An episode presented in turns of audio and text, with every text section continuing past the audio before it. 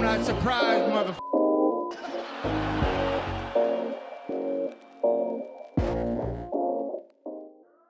Ska vi köra eller? Ja, vi kör. Vi kör på. Hörru du, först och främst jävligt roligt att vi äntligen kan göra det här. Jag har ju varit taggad i typ ett år på, på att prata med dig så här. Ja, men det är kul att det äntligen blir av. Jag håller med. Så att eh, jag tänker att vi hoppar på direkt. Eh, för de som inte vet vem, vem du är Emma, eh, vem är du? Ja, nej, jag heter Emma Wånemo och är 36 år gammal och är född och uppväxt i, eh, nu ska vi se, Ödåkra, Helsingborgsområdet i södra Sverige.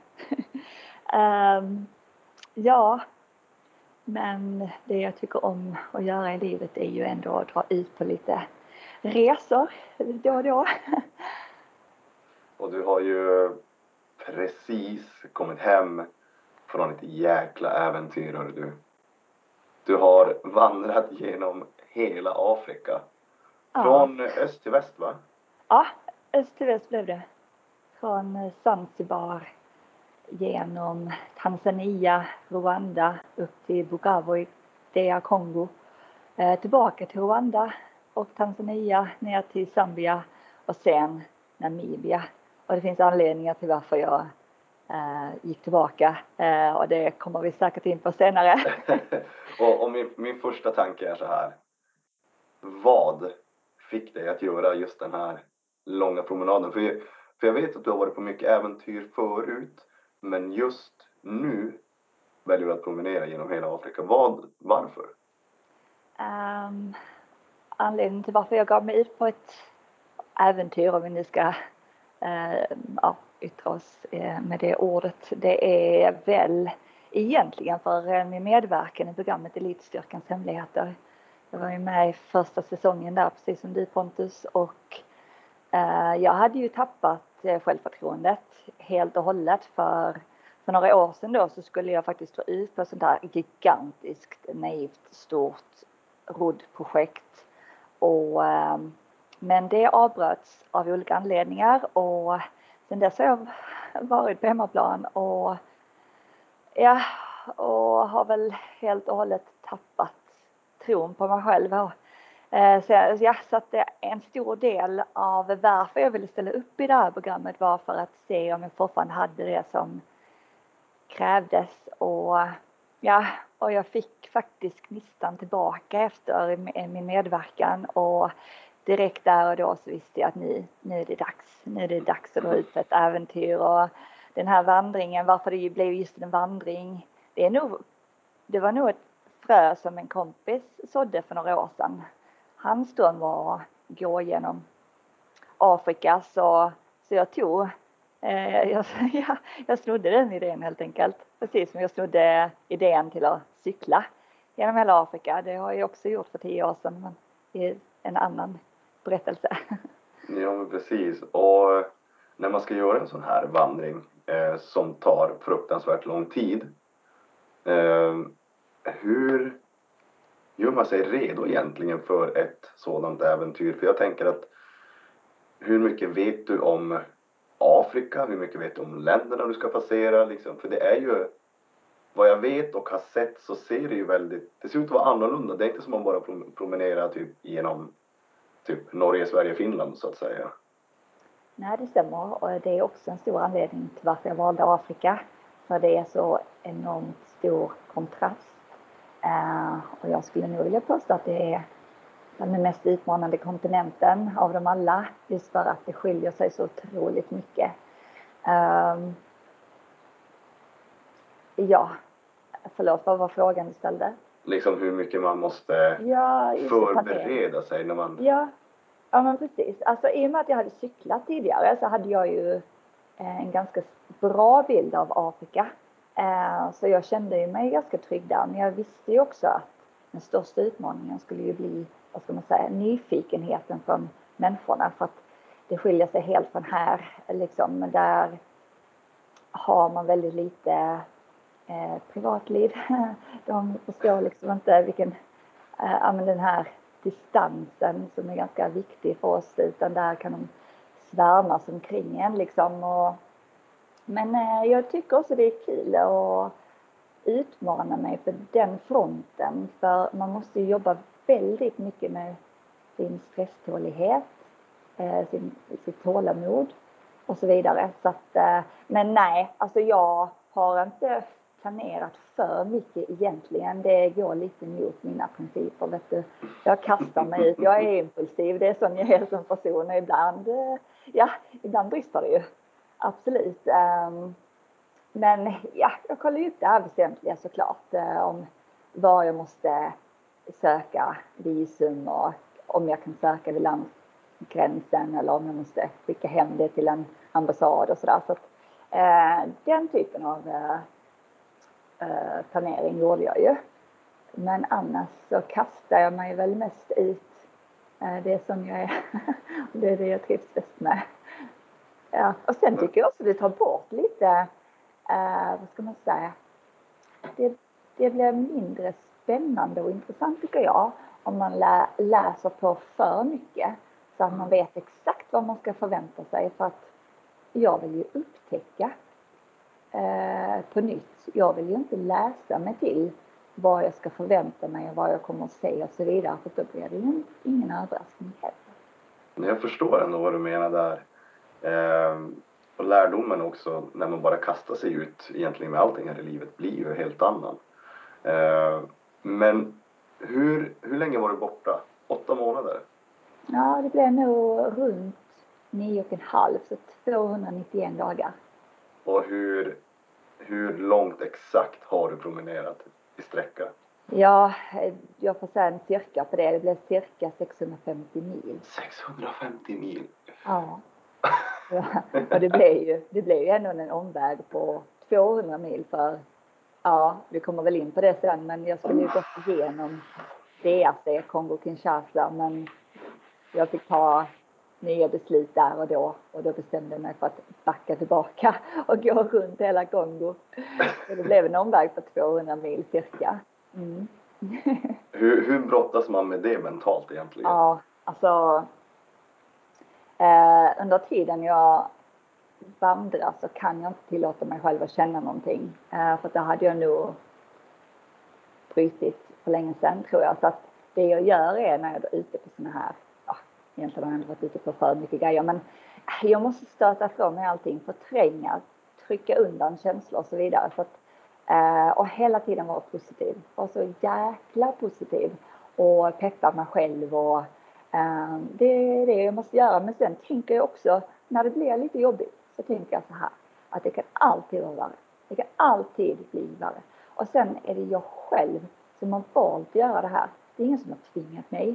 Ehm, så därför så känner jag inte att jag har rätt att tycka synd om mig själv eller så, utan då tänker jag på de som har det så mycket värre och det finns ju fullt av folk i Afrika som har det betydligt värre så att det är bara att rycka upp sig och tugga taggtråd och uh, kötta. och uh, när, du, när du väljer just den här sträckan, uh, vad är det som fick dig att välja just de här länderna och liksom från öst till väst och inte någonting annat? Mm. Um, det som egentligen var tanken, det var ju att jag skulle gå genom regnskogen genom Kongo. Mm. Uh, och då blev det ju en självklarhet att jag skulle ta mig från väst till öst egentligen, alltså vända på det.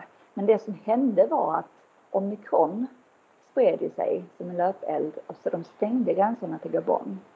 Uh, så då fick jag tänka om. Alltså det, nu, det rör sig om kanske två veckor innan jag skulle dra så att jag fick kasta om allt sammans. Jag googla för att se liksom hur läget såg ut i, i Tanzania och, och det var ju öppet där. Så att då, då blev det att jag började där jag tänkte sluta och därav Zanzibar.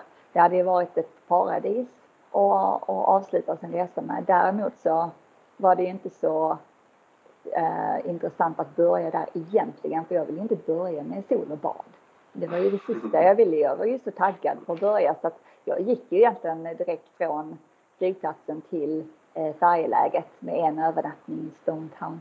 Men om jag ska gå tillbaka till din fråga så att det är anledningen till varför jag valde det. Det hade varit unikt om jag hade gått igenom Kongo just för att det är så pass farligt som det är och det finns väl också en anledning till varför folk inte går genom det landet och eh, helt ärligt så hade det nog inte gått oavsett.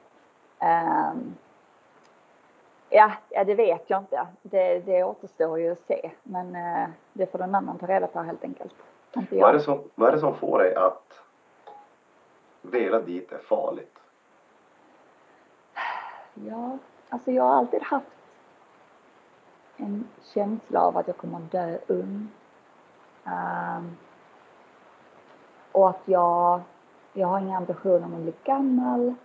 Jag har redan kommit på en lösning om, alltså jag, jag hade ju väldigt mycket dödsångest förr. Kanske inte mer än någon annan, det vet jag inte, men jag slet med de här tankarna om att ja men du vet, uh, oh, vad ska man göra när man blir så gammal så att man inte kan ta hand om sig själv. Man kommer bara dö och sen är ju, uh, jag tror ju inte på ett liv efter döden så då blir det extra tungt. Men, uh, men ja, så att eh, jag tror det är en anledning till att jag kan kasta mig in i sådana här saker för att jag, jag leker lite med livet. Jag ser det bara som en, eh, jag vill utmana ödet för jag ser liksom inte poängen med varför vi är här. Jag vill ju inte ha egna barn och eh, jag tycker ju, jag ser ju helst att Homo sapiens dör ut. Jag tycker bara vi förstör, förstör vår planet och så då kan jag lika gärna tänka fuck you och göra det jag vill. Sen får det bära eller brista. Så dör jag idag så gör det ingenting för jag har hela tiden jagat mina drömmar och gjort det jag har velat. Eh, jag har inte stannat upp och jag har försökt att inte hamna i det här ekorrhjulet liksom. Eh, sen har man ju olika sätt att vilja leva sitt liv på och jag respekterar allas sätt men eh, det här är mitt liv och då ska jag få leva det på mitt sätt också. Ja men det är verkligen starkt också att du, att du eh, vågar dels stå eh, liksom rakryggad för det du tycker liksom det du säger just nu, för det är väldigt unikt. Jag har vad jag vet ingen annan liksom kompis eller nära som, som eh, kanske har det här tänket just och det, och det väcker dels mycket frågor hos mig för jag menar jag tror att allting grundar sig i någonting. Liksom den vi är, vi har blivit så på grund av någonting. Och vad mm. tror du liksom har gjort dig till att du vill att människan ska dö ut? Mm. Har det alltid varit så? Uh, ja, jag kan inte riktigt, det har nog alltid varit så ja. Um, jag kan komma ihåg, ja, nej jag har nog alltid haft den känslan i alla fall. Sen har jag kanske inte satt ord på det förrän i vuxen ålder eller så. Um, men jag ja, jag kan inte riktigt svara på det faktiskt. Men det som har gjort att jag kanske, jag för, förutom att jag är född med den här äventyrsådran då, så tänker jag ändå att det är ju nog en stor del i ens uppväxt och de här yttre faktorerna som påverkar hur man blir som person, tänker jag.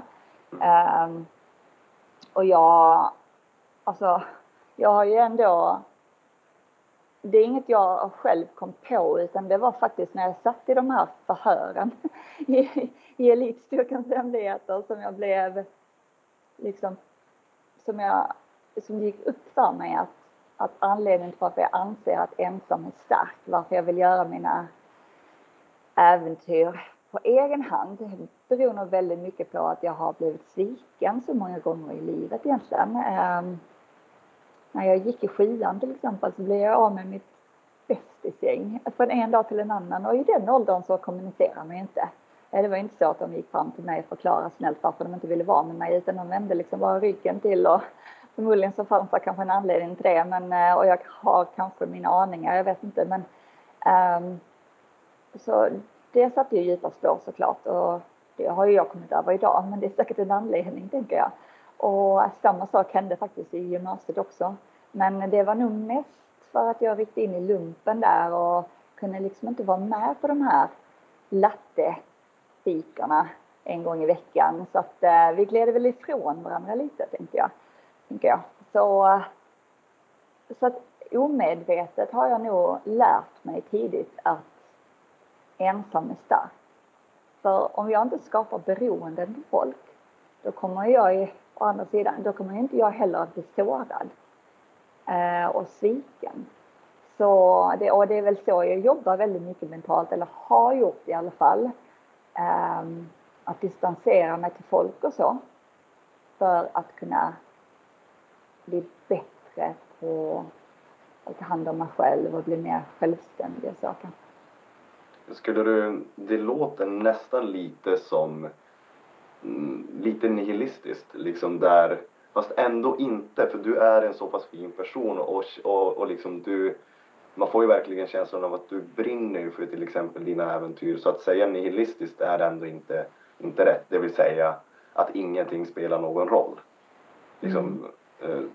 Nej, för att det, så är det. Jag kanske känner att jag känner nog att jag kan, ehm, um, hur ska man säga, um, utmana mitt eget liv på ett sätt.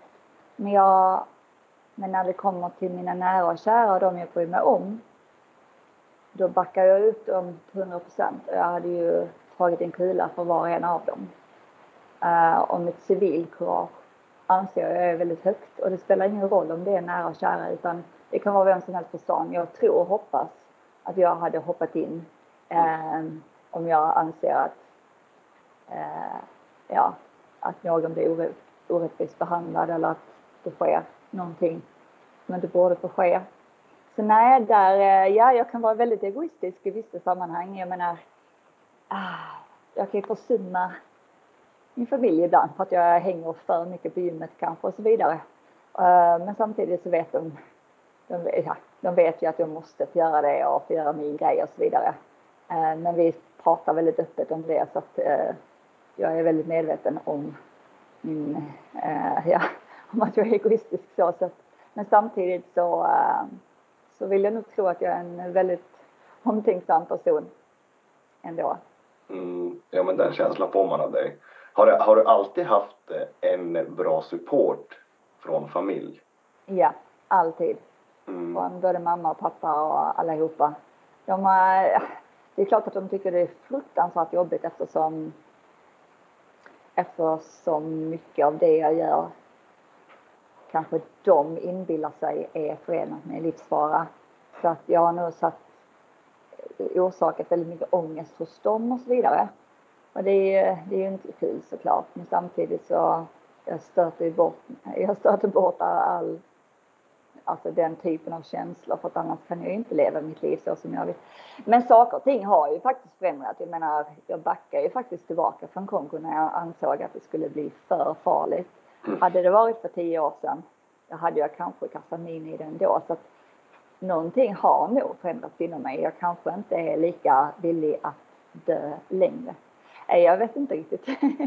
Nej, men det, det, är väldigt intressant för att eh, som, som sagt tidigare, jag vet ingen som har så, så här starkt eh, levnadssätt så att säga, där du verkligen förlitar på dig själv får man väl ändå säga och liksom som du också säger, så vissa kanske tycker är livsfara. Vilket är jättespännande tycker jag.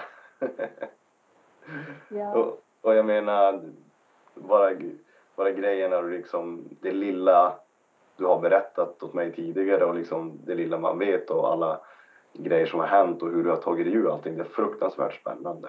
Och jag tänkte också det nu, nu på den här resan eh, som du var på nu, den här stora vandringen. Hände det någon gång någonting som var livsfara för dig? Nej. alltså jag, jag, absolut ingenting. Nej, alltså jag hur ska jag förklara? Alltså anledningen till varför jag drar ut på sådana här långresor är ju någonstans för att jag vill brytas ner. Jag vill lida till slut för att sen bygga upp mig själv och bli starkare som person. Eh, det hände ju väldigt tydligt under min cykelresa. Ehm, men det hände inte alls lika tydligt här. Så det är en liten besvikelse. Ehm, men eh, förlåt, vad var frågan? Nej, nej, alltså, det, frågan var ju, du svarade ganska enkelt. Jag frågade om det hände något farligt. Du bara Ja, nej. nej, det hände ingenting. Däremot så hade det hänt någonting. Så ja, det kanske hade påskyndat den här processen att brytas ner och nå the breaking point. Men ingenting hände. Det var väl en kvinna en gång som gräl liksom. Men eh, jag avstyrde det hela så att... Mucka gräl, vad var det då?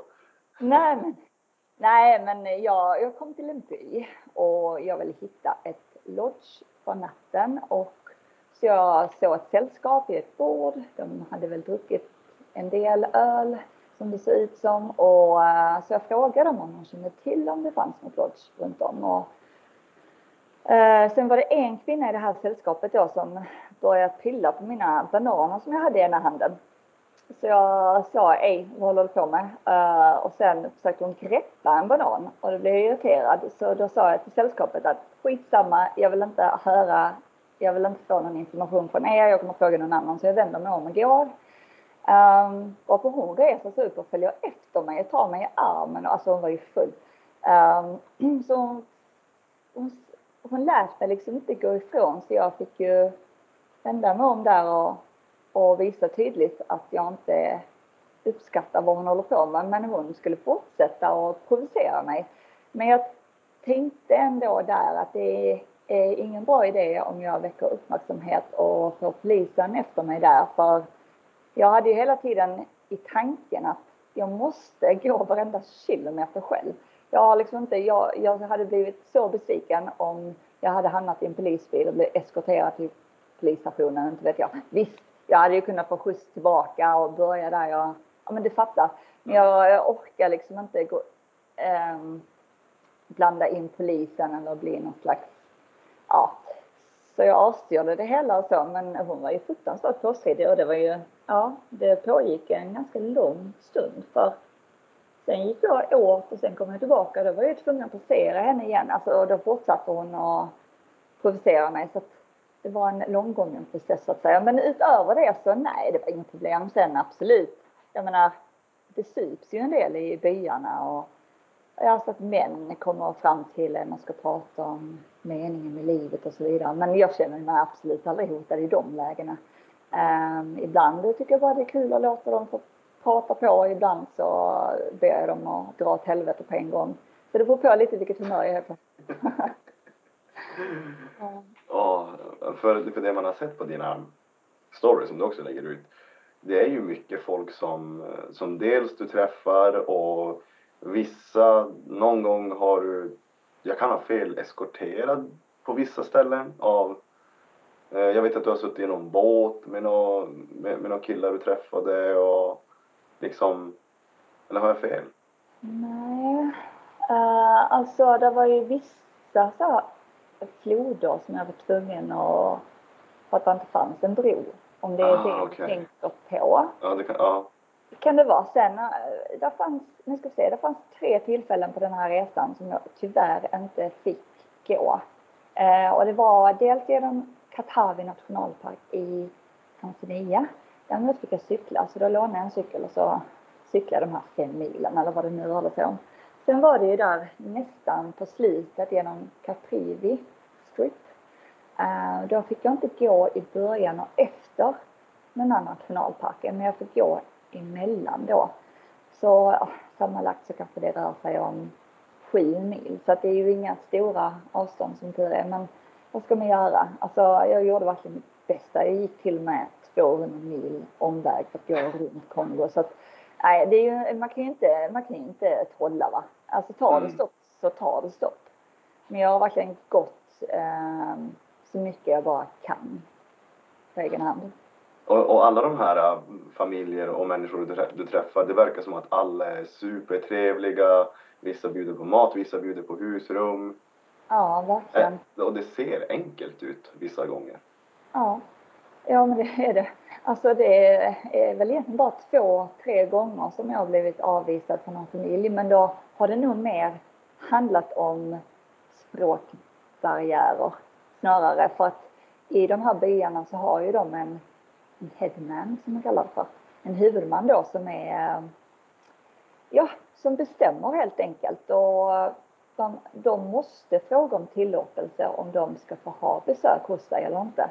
Och då kan det vara, vissa struntar ju i det och vissa liksom visar vägen till, till huvudmannens hus. Men eh, det skulle kunna vara anledningen till varför de har eh, avvisat mig så. Men eh, annars tog ju alla mot en öppen famn. Alltså, eh, och de blev ju glada också. Det var ju stort för dem att en vit person ville bo just, hos just dem. Och, och det spelar ingen roll hur fattiga de än är så, så bjöd de på ett mål mat.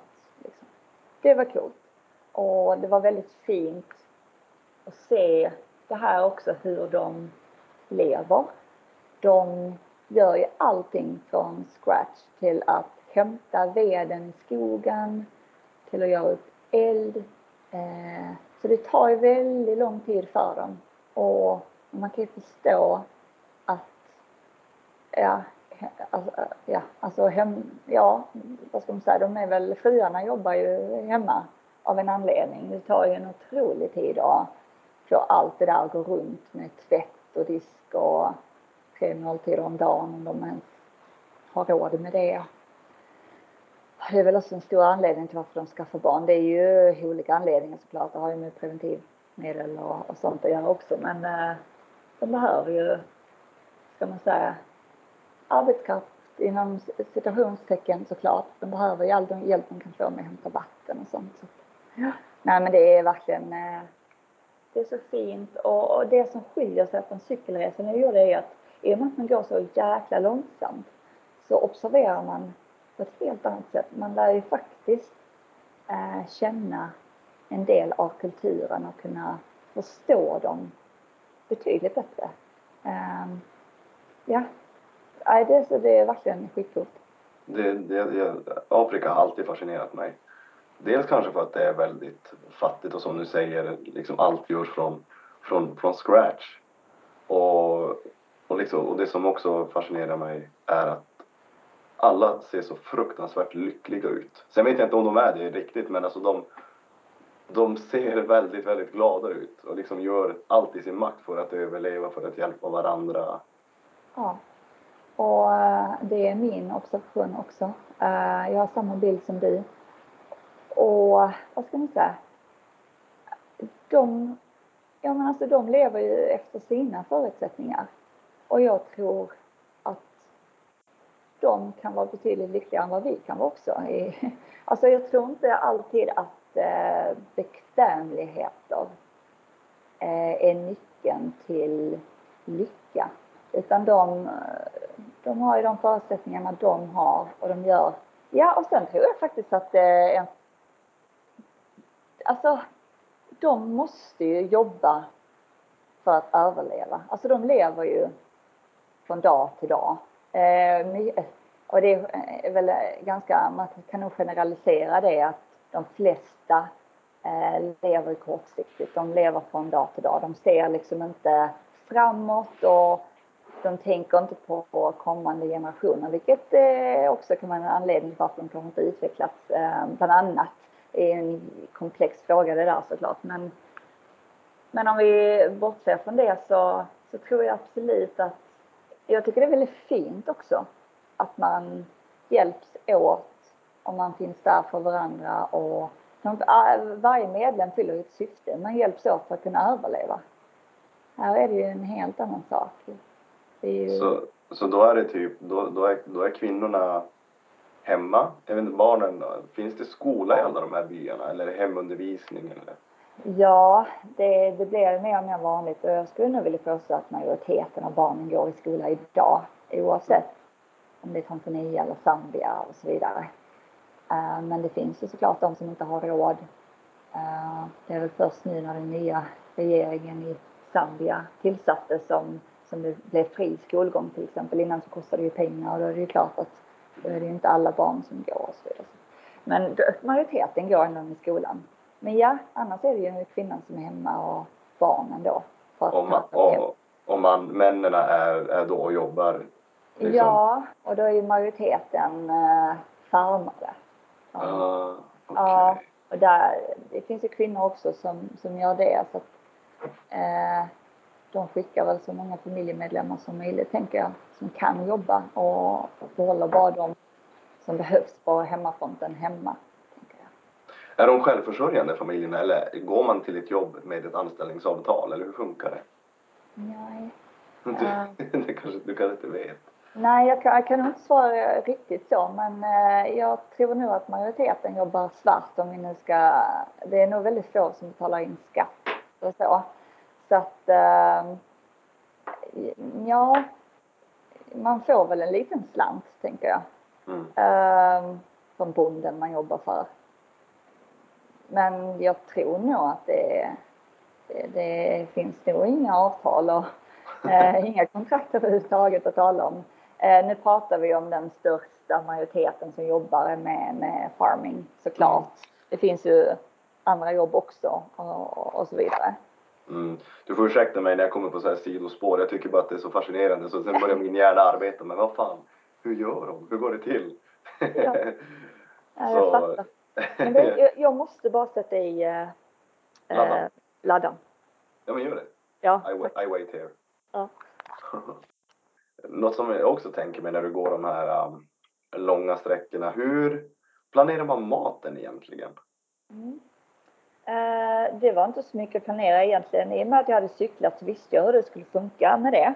Eh, alltså i, vad ska man säga, i, i, genom Tanzania i alla fall så då fanns det liksom byar efter allt från en kilometer upp till fem kilometer och kanske med ett avstånd på max 10 kilometer emellan. Mm. Eh, och i varje by så, så, så, finns där en liten restaurang. Det är absolut ingen restaurang som någon någonsin skulle se eller förstå. Alltså, äh, så, men man får ett öga för det där. Um, så att då, ja, då finns det en försäljning av ris eller ugali då som är deras, äh, vad ska man säga, majsmjölsgröt som de är väldigt förtjusta i och, och så serverar de det med, med bönor. Uh, och det gick ju att få tag på precis överallt och samma sak med te och, och så har de ju såna här, vad ska man säga, donuts, fast deras version av donuts. Uh, och det gick ju att köpa sig alltså precis överallt för maten var aldrig något problem. Jag kunde äta två, tre, fyra, fem mål om dagen om jag ville det. Uh, och så bananer och i början var det ju väldigt mycket säsong på mangos och ananas och bananer och allt möjligt. Men sen blev det lite svårare att få tag på det när jag kom ner till Zambia och så. Och Zambia där var det en annan kultur. Där hade de inte de här restaurangerna på samma sätt. Men då fick jag helt enkelt köpa, när man kom till en liten by, då fick man planera lite mer långsiktigt, kanske ett par dagar framåt i tiden. Och då fick man köpa på sig sådana mandasi eller vitumbua som man kallar det för, de här donutsen och eh, lite kokta ägg. Jag hade inget kök med mig ju.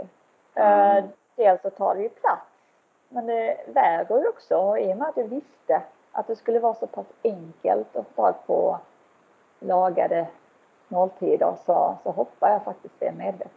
Mm. När, när du börjar din eh, vandring, eh, Mm. vad, vad är i väskan? Eh, är det bara kläder?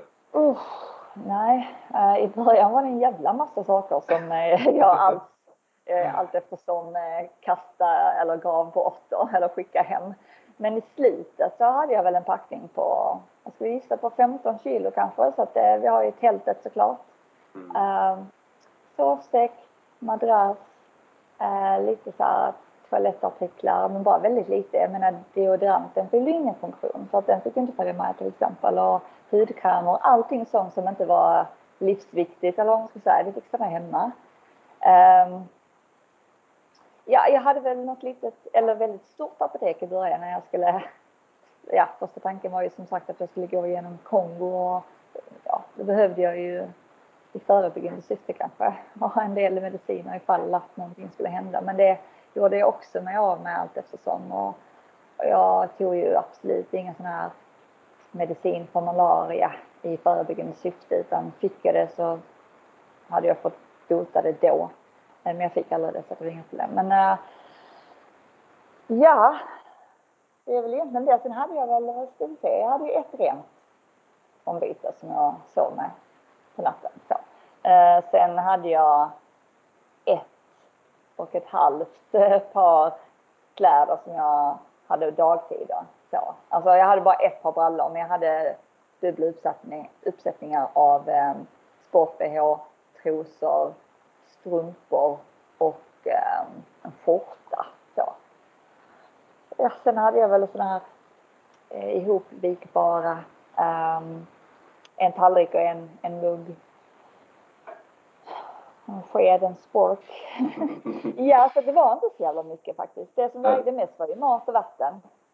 Mm. Hur, hur är tillgången till vatten egentligen när man mm. är där ute bland byarna? Ja, nej men det är inga problem alls. Utan där det finns ett hus, vilket finns precis överallt, um, där finns ju också vatten. Sen är det kanske inte det renaste vattnet. Det kan ju vara hur brunt och orange som helst, men jag dricker det ändå. Jag har inte tagit med några tabletter för att rena vattnet och jag hade inte med mig någon sån, jo jag hade med mig en sån här, um, ett filter, men jag använde det otroligt sällan. Så ibland hände det att det växte alger på min vattenflaska. Då fattade jag att nu är det dags att byta. Mm. Ja, fast jag tror inte att alger är farligt egentligen. Um, så ja, jag, med andra ord så plockade jag ju vattnet från floderna också. Så jag, jag drack allt vatten jag kom över helt enkelt och renade aldrig det. Jag blev aldrig sjuk. Jag måste få fråga varför? Uh, alltså liksom, är, är det just för att du märker att du inte blir sjuk av det? Ja, Ja men exakt. Jag ser inte anledning till att göra det. Alltså anledningen till varför man ska filtrera är väl ändå för att man ska undvika sjukdomar och så vidare. Men eftersom jag vet att jag inte blir sjuk i den här cykelresan så, så fortsätter jag på det spåret helt enkelt. Mm. Ja. All right. Ja, det är också jävla intressant. Ja. Så ibland tror jag nog nästan att vi, vad ska man säga, vi är inpräntade eller vi får lite för mycket info om, vi är nästan för så här överbeskyddande. Vi tänker för mycket. Mm. Och egentligen behöver man kanske inte alltid, uh, ja, Nej men det är det jag tänker också för att man har ju den här bilden av Afrika när man inte har varit där. Ja. Och då liksom hur, hur sunt är det att ha det egentligen? Nej, precis.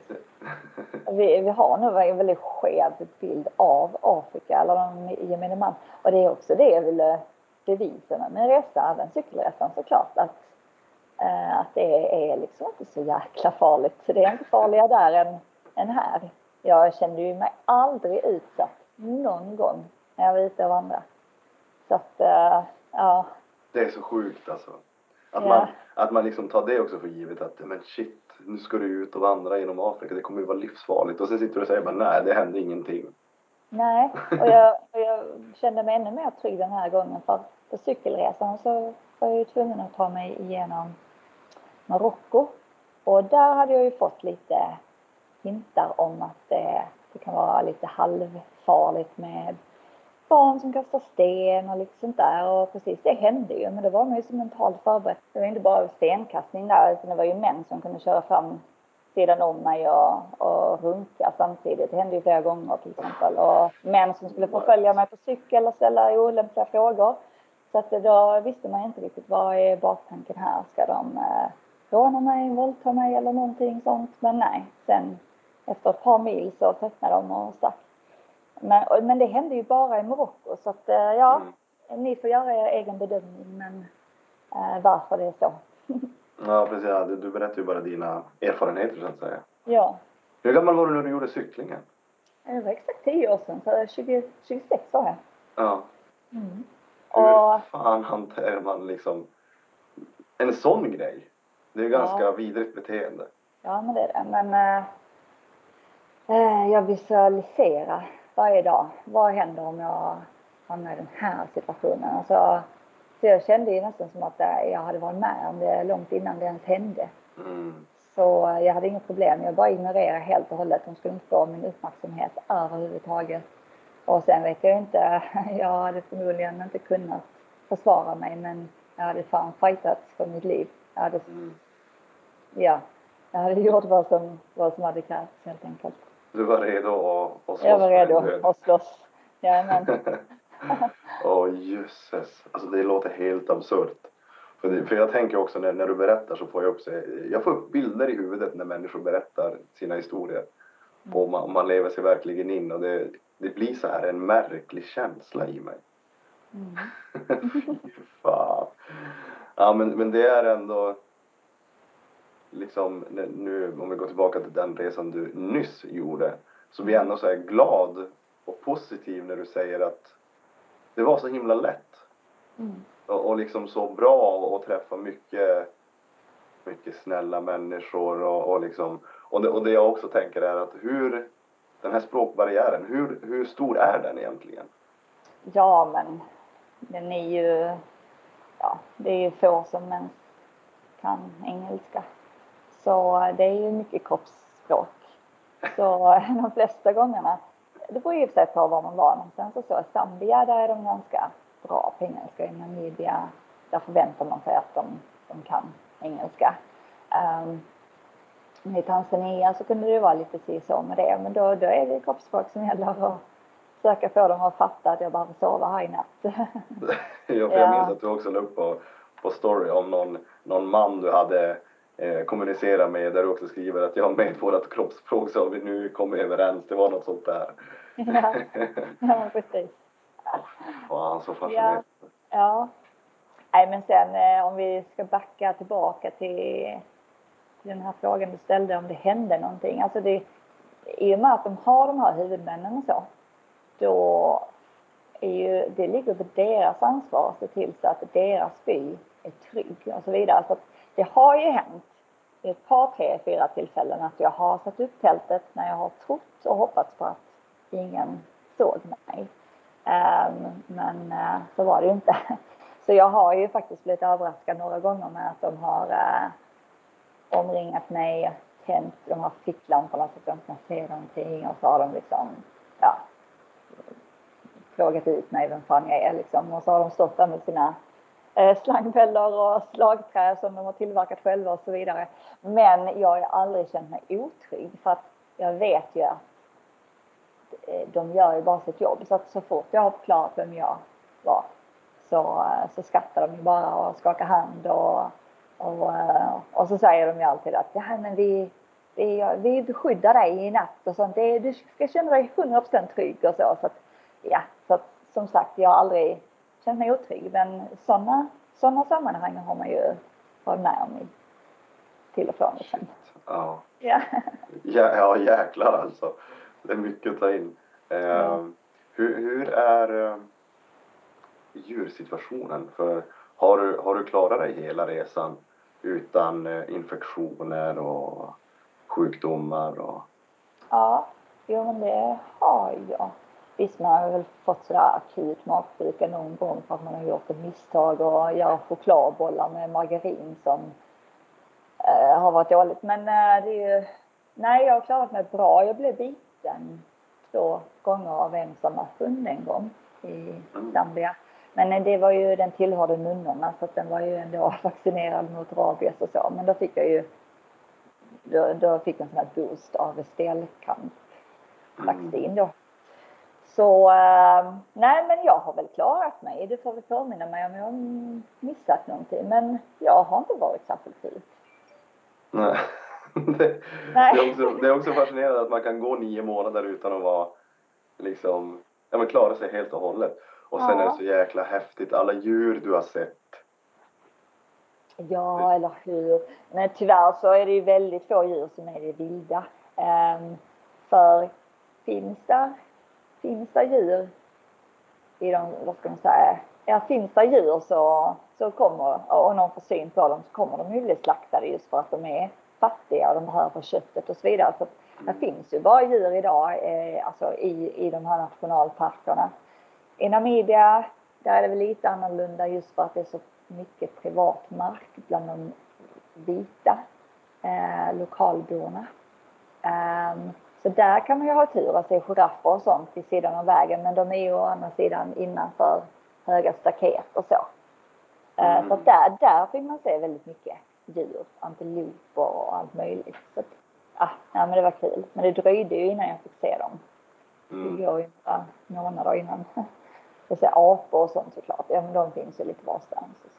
Och sen var det, du var ju, alltså jag är ju så här, hajar och lejon det är så här, det, det är världens mest liksom de djuren på den här jorden är nog helt utöver det vanliga. Det är riktiga jäkla predators. Det, är, det är coola djur. Och du, du hade ju ganska nära interaktion med, visst var det lejon? Eller minns Ja, jag fel? Nej, det minns helt rätt. Men ja, som du förstår så var det ju såklart eh, via ett sånt här sanct- sanctuary, heter det så? Mm. Ehm, ja, men eh, ja, men jag betalade en liten slant där för att få klappa på lejon och gå med dem och så. Det var ju hundra procent värt pengarna. Ja, det var riktigt coolt faktiskt och också vid ett annat tillfälle få se när de äter och så. Så att eh, ja, nej men verkligen det, det var kul. Herregud. Ja. Det är så jäkla... Ja, det är så coolt. Ja. Det är så jävla... Ja, och du, känner du inte att du... Känner du dig rädd någon gång? För jag menar, lejon kan väl vara ganska oförutsägbara? Jo, det kan de ju. Eh, nej, jag känner mig faktiskt aldrig rädd. Jag, jag fick väl lite respekt eh, av hundar efteråt. Det fick Ja. jag efter att jag blev biten och så. Mm. Och där, ja, hundarna kan ju vara problematiskt. Eh, I många länder egentligen, inte bara i kontinenten Afrika utan på andra ställen. Men jag lärde mig till slut hur jag skulle tilltala dem och så. Jag kopierade befolkningen så som de gjorde och bara visa att det är jag som bestämmer. Så till slut var det jag som vände mig om och skällde på dem och bad dem dra åt helvete fast på deras språk. Mm. Alltså på hundarnas språk. För att de fattar ju inte när jag sa till dem på engelska eller svenska. Då ville de inte lyssna. Så jag lärde mig hur jag skulle tala med hundarna och det var jäkligt coolt faktiskt. Alltså då, då, då fanns det ingen rädsla kvar på slutet där. Fan. Ja. Träff, visst träffade du Becky också under resans gång? Ja, det stämmer. Eh, Becky, för de som inte vet, var ju också med i Elitstyrkans hemlighet och vi har ju fått en väldigt fin relation. Och hon jobbar ju då som lärarinna i Nairobi i Kenya. Så det var bara en ren slump att jag befann mig i Rwanda på påsklovet. Så att eh, hon och hennes lärarkompis då, de eh, bokade en resa till Rwanda. Så och jag var ändå där för att vänta på mitt visum, att det skulle bli färdigt till visumet till Kongo. För jag skickade ju hem mitt pass till Sverige och så. Eh, så då drog vi iväg i en vecka tillsammans där och vandrade med gorillor gjorde vi. Eh, jag blev slagen i huvudet av en gorilla. Det är inte alla som kan säga att, man, att de har blivit det. Ja, för, det, för det minns jag också, för det var det jag också ville fråga, för där, där var ni ju också fruktansvärt nära och de gick ju som mot er. Ja, ja men precis. Eh, det är klart, för de har ju egen vilja där och man kan ju närma sig dem ganska rejält. Men eh, ja, man får väl ändå anta att guiderna visste. Eh, de hade nog agerat om Å andra sidan så är det vi som inkräktar- på deras mark. Så skulle någonting hända så hade ju inte jag velat att en gorilla skulle dö på grund av mig. Så att, men det var ju inte ens på tal om det. Det var ju en ung eh, eh, gorillahona som ville utmana mig helt enkelt. Så hon ville ju bara bita lite. Men det, det sjuka var att vi fick alltså detta på en film av en ren slump. Och då kan man se på filmen sen att, att, eh, att den här flickans syskon drog bort henne sen. Och förmodligen sa åt henne att vad fan håller du på med? Det här är turister, du får inte jävlas med dem på det sättet. Ja, Nej, det var så riktigt kul sjukt. faktiskt. Ja, visst. Jag fick en dunk där på huvudet. ja. Åh, shit vad coolt. So call me a cynic, call me a bummer. I don't wanna be that way anymore.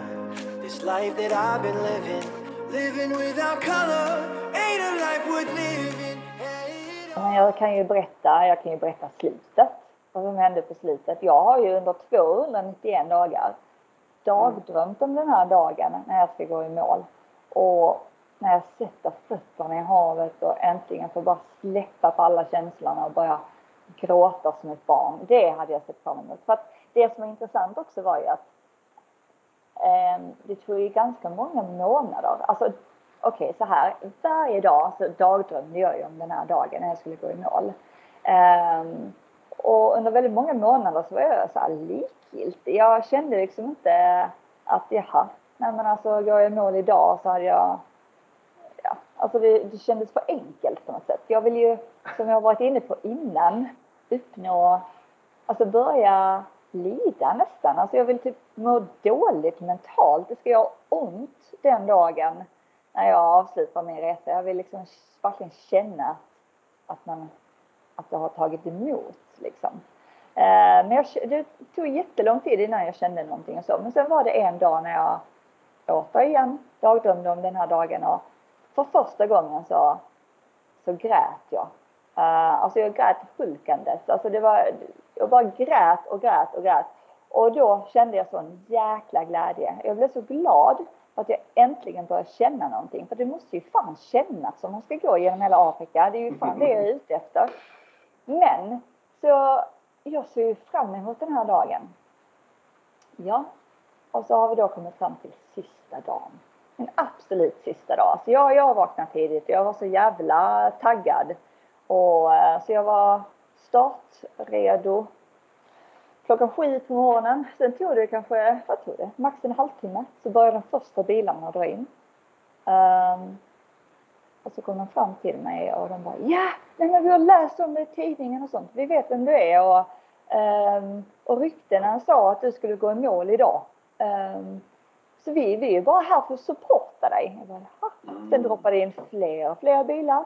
Sen följde alltså de här bilarna med mig sex timmar tills jag nådde välkomstskylten på Hentis Bay. Där väntades det ännu mer folk.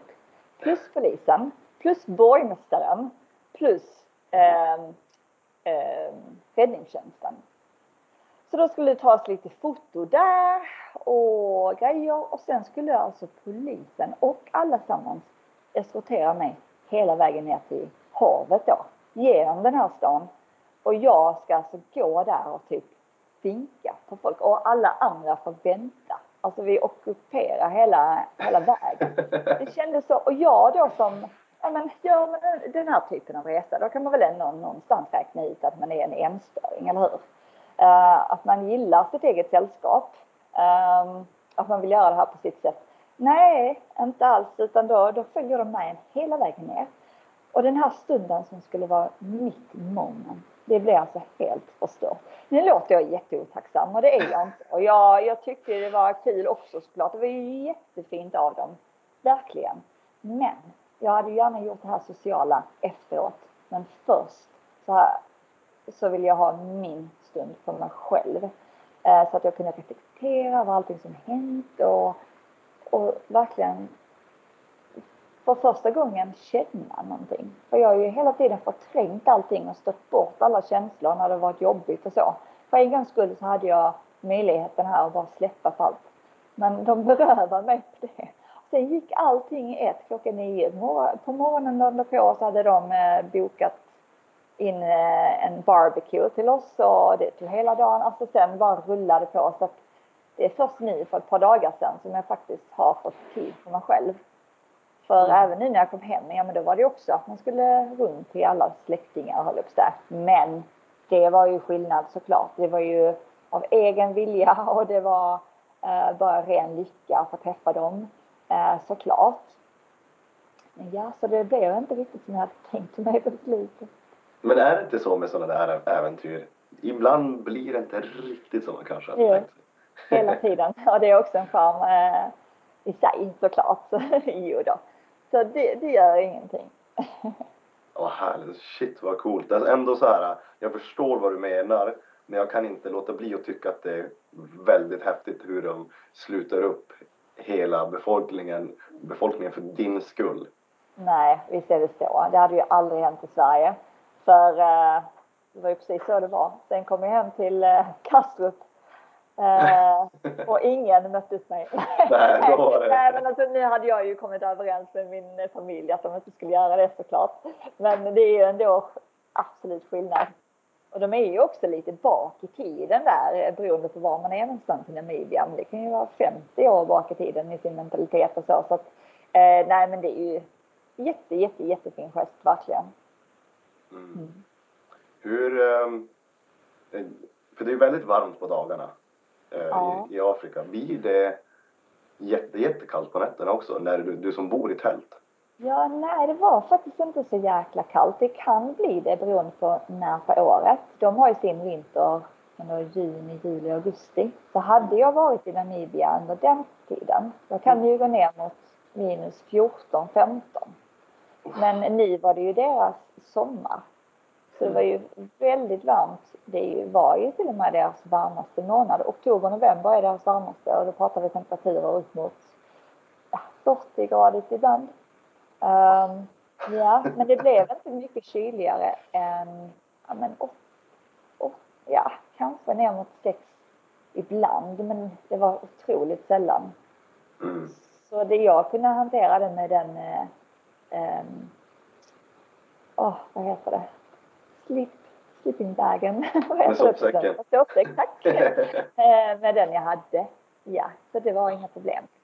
Och den här hettan som alla varnade mig för och sa att jag var dum i huvudet för att jag skulle gå genom Namibia under den varmaste månaden. Jag hade absolut inga problem att hantera värmen. Det var ingenting som, eh, som fick mig att avta, eh, alltså hastighet och jag, jag gick exakt lika fort som jag gjorde alla andra dagar. Liksom. Mm. Mm, konstigt nog, men det påverkar inte mig alls. Men du har ju också sagt att du väljer att se allting så positivt du bara kan. Ja, ja det kanske hade med det att göra. ja. Du, om någon annan skulle få för sig att göra ett sånt här äh, äventyr, en vandring, hur mycket pengar behöver man lägga undan för att kunna ta sig och vara borta så här länge? Ja, det är ju, jag har inte räknat ut den summan helt. Men äh, alltså visumen är ju dyra. Reseförsäkringen om man vill ha det, det är inte alla som kör med det. Um, ja men om vi bara så här med utrustning och alltsammans då eller? Då landar vi kanske på 70-80 tusen om jag bara får gissa. Mm. Men visumet till Kongo bara det gick ju på 4 tusen. Mm. Och visumet till Kongo Brazzaville gick på 3 tusen. Jag var ju tvungen att skaffa det innan. Sen blev det ju inte av att jag gick genom något utav länderna egentligen, förutom en kort sträcka i, i Kongo. Mm. Kinshasa. Så att om man bortser från de två länderna, då kan vi ju då kan vi ta bort 10 000. Mm. Alltså, ja, sen beror det väl lite på vilken packning man vill ha. Jag, jag kostar ju på mig lite för att få den, eh, vad ska man säga, eh, bra utrustning som vägde så lite som möjligt. Men, och dyra kängor också. Bara kängorna låg ju på tre och ett halvt och jag hade ju tre par kängor som jag slet ut under den tiden. Samt ett par gympadojor då. Så att, ja, ja, då pratar vi ju 10 000 i bara skor. Mm. Kängor. Så, så det beror ju på. Men jag har ju också problem med mina fötter. Så har man inte problem, då kan man säkert klara sig med en billigare sko. Mm. Så jag tror nog man kan komma billigare undan än så. Och med de 60-80 000, frågan är om jag inte räknar med Ja, Rwanda var ju dyrt eftersom jag hade tre veckors där. Eh, Gorillavandringen bara den gick ju på 20 000. 20 lök? Ja, det är helt skit. Sen kan man ju komma billigt undan om man gör det i Kongo istället. Eller Uganda. Mm. Eh, där kanske det kostar 5-7 tusen istället. Men nu var det ju en, speciellt när Becky kom. Mm. Eh, då, då vill jag göra det med henne också. Annars hade inte Becky kommit så hade jag inte gjort det så det är hemskt. mm. Ja men, de, ja, men det, det, låter ändå som att man, man behöver lite pengar på fickan för att kunna ha lite ja. spelrum så att säga. Ja men lite vill man nog ha. Samtidigt så kommer man ju billigt undan just för att man, man betalar ju inte för transportmedel till exempel. Det är väldigt billig matkostnad. Eh, ett mål mat om dagen kostar 4-5 svenska kronor. Så ja, så i Tanzania kanske jag gjorde av med 30, max 50 spänn per dag. Så att man kan, nej, det är nog väldigt mycket upp till var och en hur man gör. Är det mycket det, mutor? Nej, nej det är det inte och jag, det är någonting jag skulle kunna göra. Nej, du menar från deras sida att de, nej. Nej, jag tänker att, att man behöver, alltså, ja precis att liksom, ja. du måste pröjsa det och det och det. Mm. Nej, eh, det var det inte. Jag blev lurad en gång genom Katavi för jag visste om att det inte kostar någonting att få cykla. Jag visste att man fick göra det men de, eh, stålsatte sig och sa nej, du måste göra detta som en aktivitet och betala 220, nej 250 dollar för det. Och jag blev skitförbannad. Jag visste att de bara lurade mig rakt upp i ansiktet. Men eh, där var man ju chanslös eftersom jag inte ville gå runt det. Jag, jag såg det som en, eh, vad ska man säga, eh, en av höjdpunkterna på resan också. Att faktiskt få cykla genom en nationalpark.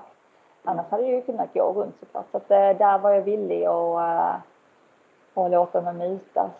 Men annars är det bara att sätta sig ner med armarna i kors om man skulle göra någonting. Det hände faktiskt inte på denna resan. Men det hände ju väldigt ofta på cykelresan.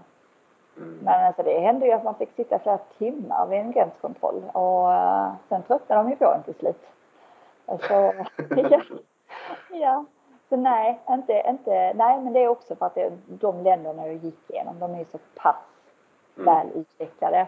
Det hade varit en helt annan sak om jag hade tagit Kongo till exempel. Nu pratar vi ju, ja, det är en helt annan värld bara i sig. Ja. Du vill dit? Jag vill du, dit. Du vill igenom den där Kongo? Ja, det hör det. Ja, jag vill såklart dit. Jag ska bara klura ut hur jag ska lyckas. Okej, okay, jag kanske inte behöver ta de här 50 milen genom de rebellkontrollerade provinserna. Uh, där finns ju så mycket andra delar av Kongo att utforska också. Stötte du på någon gång rebelliska styrkor? Uh, nej, det gjorde jag ju inte eftersom jag vände på klacken.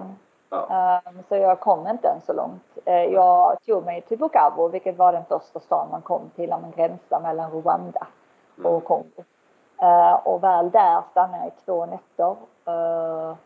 och ja, då försökte jag samla så mycket information som möjligt. Så jag stötte ju på de här Eh, jag stötte ju på de här FN-soldaterna av en ren slump när jag skulle hämta ut pengar eh, en gång och på den vägen var det. Sen gav de mig nummer till en journalist som jobbar på BBC som är där i, i norr, nord, nordöstra Kongo och rapporterar om, eh, ja, om konflikterna där till exempel. Så jag fick väldigt bra vad ska man säga, information från vettiga människor väldigt snabbt. Mm. Så jag kunde göra mig en, en bedömning där liksom om, om, eh, om jag ansåg att jag skulle kunna klara det här eller inte. Alltså levande, komma där levande ifrån. Men nej, det verkar alldeles för farligt. Det var, det var mycket mer, mycket farligare än vad jag hade läst om i media och så. Mm.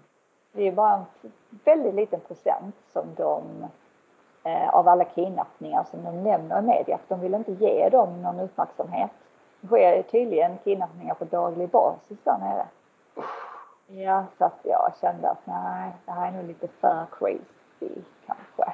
Är det, är det på grund av utpressning eller vad handlar det om egentligen? Det kanske du inte vet? Nej, det vet jag nog inte så mycket. Men ja, det, det, de vill nog absolut ha pengar. Mm. Eh, de söker väl press, eh, ja, utpressning absolut, det tror jag. Ja, åtminstone hos vita liksom. Sen när de kidnappar sinsemellan, vad de startar, då kanske det är, är av andra anledningar så att säga. Mm. Ja. Men jag är tyvärr inte tillräckligt insatt där för att kunna ja. ha vettiga svar. Ja, nej precis. Ja. Ah, shit, så jävla häftigt. Och, och det jag vet också sen innan, den här cykelturen du gjorde genom Afrika. Mm. Där vet ju jag, du har ju berättat lite grann på våra reunions och sådär. Där liksom du har fått, du har fått sitta i fängelse eller något sorts häkte om jag minns rätt eller? Ja. Uh, nej, men det har jag inte fått. Däremot så Uh, det, det, kan vara så att det blandar ihop det med att jag har ju sagt att jag har räknat med, jag har ju räknat in i tiden på den här vandringen att jag har ju lagt till några månader just för att jag visste med mig att jag mest troligt mer än en gång hade behövt att sitta i fängelse vid någon period. så att eh, en resa som kanske hade tagit sju, åtta månader att gå hade kanske tagit ytterligare flera, flera månader just för att jag var mentalt förberedd för att sättas i fängelse mm. vid olika tillfällen. Det kan vara det du blandar ihop det med. Mm. Uh, och det är ju för att de, uh, ja, de kan, ja, det är ganska ofta att vita hamnar i fängelse just för att de tror att man är spioner och sådär. Ah, okay. uh, ja, så. Men ja. för, för, för, på cykelturen, mm, efter liksom Marocko, hände det mer då som du liksom kände var okej, okay, fan det här är, det här, det här är skumt, det här är lite illa? Om vi, om vi backar till för tio år sedan, för, det, för ja. där har vi ju också egentligen. Nej, inte riktigt så, men jag, det var ju, i Angola där så blev jag ju upplockad av polisen där för att de tyckte det var alldeles för farligt för mig att cykla och på den tiden så hade de väl halvt om halvt lite inbördeskrig kvar, tror jag. Så att, eh, och de pratade portugisiska, jag förstod ju inte dem men de sa ju bandidos, bandidos så jag, jag förstod ju att eh, de ville inte att jag skulle cykla så de eskorterade mig i 50, nu ska vi se, i 50 mil alltså. 50 mil, ja ja. Jag var så förbannad vid tillfälle. Såklart du Så vid ett tillfälle då så bröt ju den här bilen vi hade. Ja, för det första så ska jag nog bara säga att under alltså de här 50 milen tog alltså två och en halv dag att köra. Mm. För vägarna är i dåligt skick, eh, fordonen är i dåligt skick. Och en gång så bröt ju det ena fordonet samman då så att vi blev stående där mitt ute i, i någon liten skitort någonstans. Eh, oklart när vi skulle komma till undsättning och så. Eh, så medan, och de här poliserna de söp ju och sånt och det var ju också lite så här eh, eh, vad ska man säga, motstridigt liksom. De ville finnas där för min säkerhet. Men mm. samtidigt så, så söp de och körde samtidigt och sånt. Så medan de köpte eh, så här råttor på spett och satt och äh, drack sin öl så tänkte jag att nu jävlar ska jag fan visa dem. Jag visste att jag inte skulle komma någon vart men eh, bara ren protest. Så, så jag, jag såg ju att eh, ett fönster i bilen var nerrullat så jag kröp ju in där, öppnade upp bilen inifrån, fotade ut cykeln och började packa min cykel och skulle precis börja cykla när de fick syn på mig. Så då stod de och skällde och jag skällde tillbaka så där stod skrek på varandra ett tag men jag visste att jag inte skulle komma någon vart. Det var liksom bara ett statement så att säga. Uh, ja, nej, men alltså de vill ju bara uh, mitt bästa och finnas där för min säkerhet såklart. Så att nej, jag känner mig absolut aldrig otrygg. Uh, Nigeria har jag lite så här minnen av att det var lite sketchy. Men ingenting hände. Sen blev jag ju sjuk där också. Jag fick ju två stycken infekterade myggbett. Eh, så jag låg ju sjuk i en månad. Jag fick ju operera mig själv och katta upp halva röven, nu överdriver jag, för att liksom plocka ut en sån här varboll som satte stopp på allt som bara klämde utav helvete. Men då fick jag ju också feber i en månad. Så att, ja, så det var ganska tufft att börja. Eh, det var faktiskt eh, första natten efter den månaden som eh, eh, eller ja, när jag hade satt upp mitt, alltså jag, jag var ju off, jag mådde ju inte bra mentalt. Alltså det, vad ska man göra en sån resa? Okej, de första månaderna är liksom skitkul. Men sen kommer man till en punkt där det inte är så jävla roligt längre. Men man är ju så envis och man hade ju inte, man ville ju inte ge upp. Utan jag hade ju sagt till alla att jag skulle ta mig hela vägen till Kapstaden. Och då ville jag ju inte avbryta det såklart. Då hade ju jag känt mig misslyckad och hela den biten. Så till slut så kände jag ju mig som en fånge. Um, så när jag började cykla där efter det uppehållet för en månad så, eh, så minns jag, alltså då, då bröt jag ihop fullständigt. Eh, jag nådde alltså min breaking point då eh, och jag bestämde mig för att ge upp. Ehm, det var också där jag ehm, botade bota min dödsångest faktiskt. Jag kom på att jag behöver absolut inte bli gammal utan vill jag ta mitt liv så gör jag det när fan jag vill. Men det är en annan historia. Men um, då bestämde jag mig för att ge upp. Och sen dagen på, ja, bara så helt pang bom så kom motivationen tillbaka. Och sen tog jag mig hela vägen till Kapstaden utan några mentala hinder på vägen. Shit, ja. ja, det är också fascinerande hur, hur eh, hjärnan kan bara, bara skifta där man kommer till någon sorts insikt eh, och sen bara vänder det. Ja, verkligen. Uh, så ja, alltså den resan, där växte jag verkligen. Det gjorde skitmycket för, mig, för det mentala liksom. Uh, som sagt, den här resan har ju inte varit lika stark så sett. Men uh, den är ju fortfarande jag är ju fortfarande skitglad att jag gjorde den liksom. Även om det i stund, alltså under under tiden jag gick så tänkte jag ju så här, men vad fan håller jag på med egentligen? Alltså, det här är så enkelt, det här kan ju vem som helst göra. Men sen när man har nått mål, det är först då man inser att nej, Nej, det är faktiskt inte vem som helst som kan göra detta. Alltså jag tänker det. Jag, tr- alltså jag tror fan inte många hade klarat det, även om du får det att låta så jäkla enkelt. Ja. Alltså kände du någon gång typ att du, du vill bara ge upp? Liksom, var det bara för att det var så enkelt eller var det för att det någon gång faktiskt var tufft? Nej, nej, jag kände aldrig någon gång under den här resan att jag ville ge upp. Sen var det ju stundtals alltså, långtråkigt och så. Ja. Ehm, det var egentligen de två första veckorna som var mest ångestladdat. Men eh, det som motiverade mig till att fortsätta var ju att jag inte hade något att komma hem till. Och då menar jag inte familjen utan då menar jag att jag var mellan två, eh, vad ska man säga, jag hade precis avslutat min utbildning. Eh, så jag hade ju inget jobb att komma tillbaka till. Så eh, därför så var det lätt att liksom påminna sig själv om att visst, du kan avbryta nu och åka hem. Men du har ju inget jobb att komma hem till.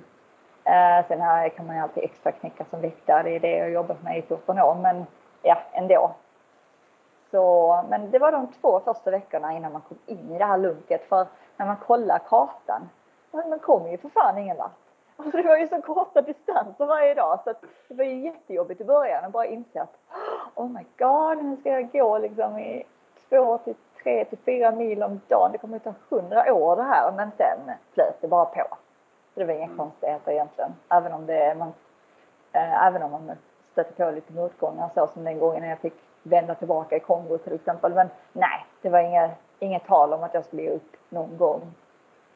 Jag kände det ganska snart. Alltså, efter två månader så kände jag så här att nej, jag vet.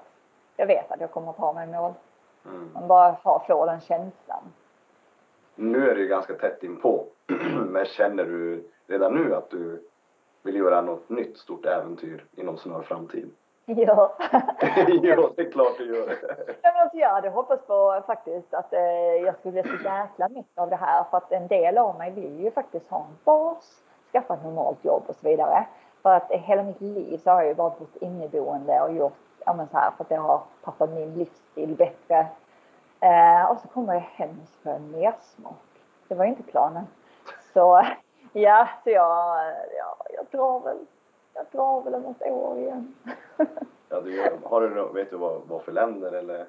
Ja, alltså jag funderar faktiskt. Nu är det väldigt tidigt på planeringsstadiet. Jag har nog inte ens, jag tror att det är görbart. Eh, jag vill paddla Skandinavien runt. Mm. Men då måste jag först kolla om det är en förbindelse mellan Haparanda till eh, Kirkenes, heter det så? Där i spetsen där vid Norge. Ja, det har ju du koll på som är norrut. Ja, det är, är mina grannstäder höll jag på att Jag säga. menar det. Ja, så jag, jag måste först kolla om det finns en förbindelse. Annars får man väl kanske dra den en sträcka om, om nu ån skulle ta stopp eller någonting, vad vet jag. Och så fortsätter och så tar jag sen hela kustremsan runt så. Så tanken är väl att jag ska börja från Helsingborg, det är väl varför inte.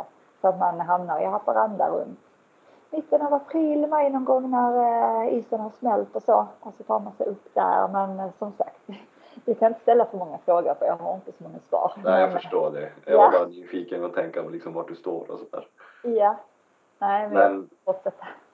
Om, om du stannar en dag eller i Haparanda när du paddlar upp dit så kommer jag gärna förbi och säger hej. Ja, men det är en plan. Ja. det, gör jag. Så vi, vi, vi, vi färdigställer redan det nu. Kommer du till. Haparanda Ja. då kommer jag också säga hej. Åh, Det är så sjukt länge sedan vi har träffats. Ja. Vi har som alltid lyckats nästan missa varandra Ja. i, i våra reunions. Och, Det har vi. Men Ja. eh, ja, det ryktas om att vi ska ha reunion snart så du får fan se till att komma då. Och jag också. ja, men, men om det är den här nu, vill de ha en nu i december? Det Ja, de snackar lite löst om den tionde men det har ju redan varit. Det Så har det blir nog inget. Nej, sen hon Madeleine kommer ju hem i januari. Så vi kanske väntar in henne då. Ta något Mm. januari. Det är lite oklart. Ja, exakt. Får se vad det blir. Vi, hela gruppen, det, det känns ganska spontant gäng. Ja, exakt. Ja, men det är kul. Ehm, och för de som också kanske undrar, och även jag också, är ju ehm, om vi backar lite till elitstyrkan. Ja. Liksom, eh, när, när du också berättar hur det har påverkat dig liksom i ditt liv och nu hur du ska ta dig vidare så, så jag får ju känslan av att den här elitstyrkan var väldigt viktig för dig. Ja, men det var den faktiskt. Jag tvekade väldigt mycket i början om jag skulle vara med för jag gillar ju inte att stå i rampljuset. Eh, däremot har jag ju alltid varit nyfiken på de här testerna även om det inte är samma tester som, mm. som de gör såklart. Det är ju hemligt men eh, ja, men jag, jag tänkte jag söker och så får man väl se hur långt man kommer och så kommer man med och så ja. Så att eh, jag är glad att jag är jätteglad att jag ansökte och jag är så glad att jag var med faktiskt. Eh, det var ju jätte, men just att jag fick listan tillbaka, det var ju alla dagar värt, värt det liksom. Jag tror inte folk eh, riktigt kan ta på eller förstå vad det gör med en. Det vi alla fick gå igenom. Och liksom jag som har pratat nu med Christian också från säsong två. Mm. Där de också har samma tankar och, och, och, samtal om just det här att ingen kan förstå vad det är som händer med en där inne. Nej, det går inte. För det når inte en genom tv-rutan heller. Nej. Eh, det är ingen som fattar hur lite sömn, hur lite mat vi får och vad det faktiskt gör med en när man börjar brytas ner.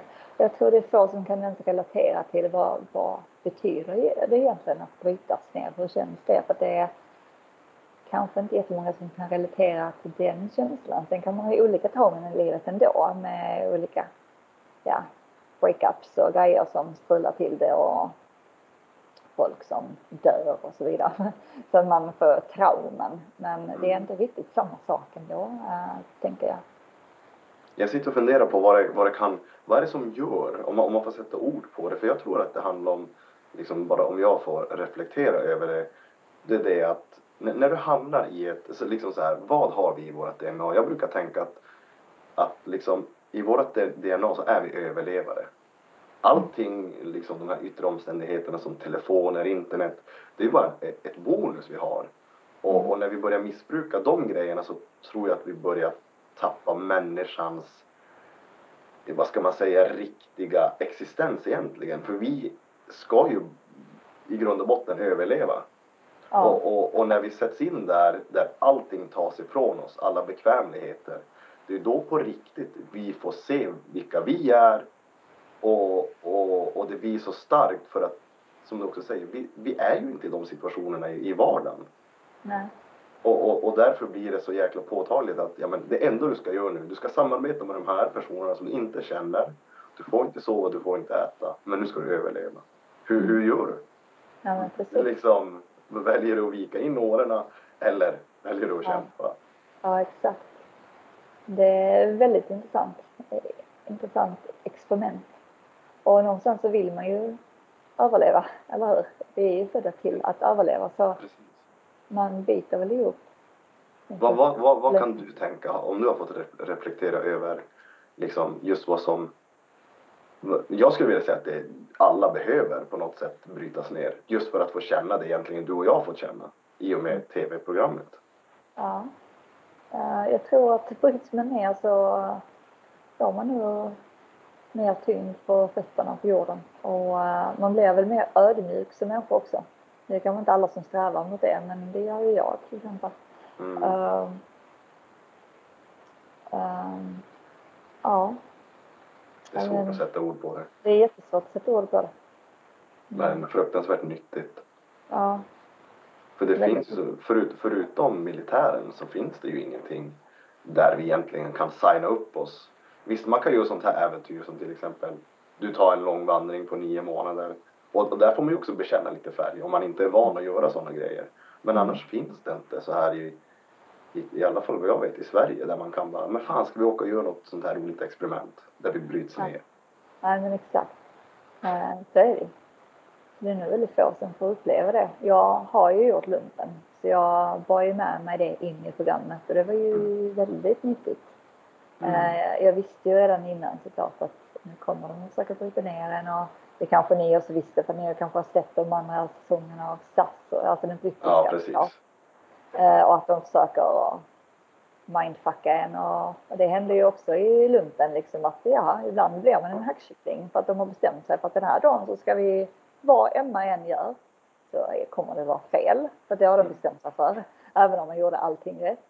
Eh, så att det var bara att bita ihop och tänka så att nej, det är bara ett sätt för dem att bryta ner en. Liksom. Men ja, det är spännande. Jag älskar det där. Eh, att hamna i sådana situationer. Ja. Hade du- skadat sin lilla tå. Har synd att du också skadade dig. Ja, det var kul att se hur långt. Jag vågar nästan, jag är nästan beredd på att psyket hade definitivt inte varit det som hade sinkat mig. Nej, nej precis. Och det, man känner ju sig själv på någorlunda sätt. Ja, Sen, sen om man hade åkt ut på grund av kanske någon, att man är, eh, är man, ja men som där i, i tortyrmomentet, hur, hur man reagerar där, det hade man ju, det är svårt att säga nu men, mm. men och sen också, för det är ju som lite taktik också där, med cover, story och, ja visst är det det. Och sen är det också den fysiska biten. Jag vet inte, det här kanske vi får klippa bort, men jag menar Marcus till exempel. Han, han svimmar ju ett flertal gånger. De fick ju skicka ut honom för att han, för att de eh, var rädd för hans hälsa. Och det framgick inte i tv utan så vitt jag vet. Va? Så att och sådana saker kan man ju inte styra över tänker jag. Nej. Eh, det går ju inte. nej. Och Marcus han, eh, det var många som trodde att han skulle gå hela vägen. Jag menar, när en så stark, alltså han är en maskin. Ja, Alltså förstår du när, när sådana människor som är så pass starka fysiskt ja, inte pallar längre. nej. Då borde man tänka, ja det är ganska tufft det de gör. Ja, precis. Verkligen. Ja, det var ju bara synd att de klippte bort den biten, tror jag. Eller? Nej, Alltså just då det. Marcus svimmar, jag, jag, jag tror att de la upp det som så att eh, han fick eh, alltså, träffa läkaren. Okej. Och sen så gick det ju fort eh, till att, för det man inte fick se i tv som Marcus berättar, är ju att de tar in han och sätter han i värmefilt så att han liksom kommer till, få tillbaka medvetandet. Sen tar de ju direkt in han på förhöret där han eh, spoilar hela cover story för han tror ju på något sätt att det är över för han har ju fått gå in, och värma sig. Så, men det ser man ju inte i tv. Nej, just det. Det kände inte jag till faktiskt. Så att det var ju som, eh, ja, den riktiga storyn. Mm. Men det tror jag vi får säga. Inte, alltså jag menar, det är väl inget hysch. Ingen aning. Vi skrev på något jävla avtal, men jag vet inte vad som stod i det. nej, alltså Du jag, bara nej, det- hittar på. nej, men det måste vi väl få prata om. Det är klart. Ja. fan, det är ju, jag menar, tänk hur 45 minuter ska de trycka in 24 timmar på. Det är klart vi måste få prata om vad som har hänt egentligen. Ja, men det tror jag nog vi får. Alltså det var inte det att de kanske inte ens ville ha med det. Det var väl bara det att Ja. de inte plats med det i, alltså som det är 45 minuter som du precis sa. Och det är tv också. Det ska Ja. väl vara lite dramatiskt. Ja, exakt. Ehm, ja. Hur... För jag tänker att man... Jag vill, jag vill också liksom veta, Emma, mer hur du har blivit den du har blivit, om du förstår vad jag menar. Om man backar bandet, du nämnde ju lite om liksom kompisgäng eller din skolgång och att du Mm. kanske på den vägen har blivit ensam är stark. Mm. Men finns det mer sådana här um, significant händelser? Ja, Eller? alltså det finns det ju egentligen. Alltså om vi ska prata om barndomen och så. Alltså mina, mina föräldrar skildes ju när jag var sex år. Och jag ser inte deras skilsmässa som en traumatisk upplevelse för de har alltid varit vänner. Mm. ehm, och hållit sig sams, åtminstone för oss. Ehm, däremot så var det en annan tid förr. Uh, mannen, eller pappan, förväntades inte ta särskilt stort ansvar utan det var ju varannan helg som gällde. Eh, resterande tid var det ju mamman som hade barnen, generellt antar jag. Eh, det var i alla fall mest så bland mina kompisar. Ehm, och, och det var inte enkelt att vara ensamstående. Jag vet inte om det var tuffare förr ekonomiskt än vad det är idag förmodligen. Eh, mamma hade ju en 75 i tjänst som undersköterska på Helsingborgs lasarett och utöver det så var ju hon tvungen att ta, vad jag minns, eh, är 11 städjobb utöver detta. För att ens klara av att ha för mat på bordet. Och, eh, ja, och det har ju också resulterat i att hon har haft en del pojkvänner. Och jag kan nog vara orsaken till varför det blev mer än en pojkvän. För jag var en bitch. Jag hade en pappa, det räckte för mig. Mm. Uh, så när mamma inte såg så var jag nog inte så jäkla trevlig. Eh, vilket kan ha resulterat i att det tog slut fortare än vad det kanske hade tagit annars. Så du var som en um, hackkyckling på pojkvännen då eller? Ja, hackkyckling vet jag inte utan det var nog eh, mitt kroppsspråk som talar väldigt mycket för att jag avskyr dig. Du ska inte mm. komma hit och eh, så. Men eh, så det resulterar ju i, alltså jag vi har ju pratat om detta mamma och jag, men av ekonomiska skäl så var hon ju tvungen att, att ha en partner helt enkelt, för hon fixade inte det annars. Um, men varje gång det kom in en ny man så förväntas, det förväntades av mig att jag skulle vara den här, oh, se honom mm. som min nya pappa typ. Uh, och det ville inte jag, men uh, i kombination med att mamma har kanske ett större bekräftelsebehov än vad jag har. Så i tidig, väldigt, väldigt tidig ålder så lärde jag mig att jag ska fan inte bli så. Jag ska inte vara bekräftelsesökande. Jag ska inte behöva ha en man eller kvinna vid min sida. Utan jag, jag ska fan klara mig själv. Jag vill inte bli beroende av någon annan och så vidare. Eh, med detta sagt så är mamma min absolut största idol. Eh, då som ungdom skämdes jag för att hon städade. Eh, idag kan jag inte vara stoltare över henne. Alltså hon, hon är så jävla stark. Hon är så fin. Och trots, alltså det, jag, trots det jag har sagt nu så, um, så vet jag att hon hon gjorde det för mig och min brors skull. Vi var tvungna att ha, ja, en, vad ska man kalla det för, en bonuspappa för att klara det ekonomiskt liksom. Mm. Så det är, ja, det är också en stor del i det hela, tänker jag. Ja, jag förstår. Ja. Hur, hur har det präglat dig då när du har haft den här inställningen? Hur ser dina relationer ut och har varit under, under livets gång? Jag har du alltid varit själv? Ja, det, ja, det, ja, ja, en månad när jag var 16 hade jag ihop det, men det räknar jag väl knappast. Samtidigt så har det ju präglat mig. Ehm, så det har nog påverkat mig mycket mer, trots att det bara var en månad. Jag, som så många andra antar jag, så kan man ju bli väldigt, vad ska man säga, upp över öronen så förälskad och man blir för tunnelseende, man blir blind, man kanske åsidosätter mycket annat. Uh, så när det tog slut efter bara en månad då så blev jag så jäkla fokuserad. Jag bara nej, det här är ju det, är sjukt läskigt vad hur Eh, hur påverkad man kan bli av en förälskelse. Så då sa jag till mig själv att nej nu jävlar ska du aldrig mer bli förälskad för du ska bara fokusera på dig själv. För redan då så visste ju jag att jag ville ju göra lumpen, jag ville ut och resa och så och jag ville inte att någonting skulle stå i vägen. Sen 2017 så hade jag en tre månaders lång relation och det var bara av en anledning, det var för att jag hade opererat min fot. Så jag tänkte att nej, nu har jag faktiskt tid att prova. Eh, annars hade jag ju inte haft tiden till det för att eh, jag går ju först. Så, så är det. Um, men det, uh, det varar ju inte. Jag träffade en person som ville förändra mig helt och hållet och det går inte att förändra mm. den här personen. Uh, vilket jag är glad för, för då fick ju ännu en gång bevisat att eh, det finns ingen anledning att satsa på någon annan än mig själv.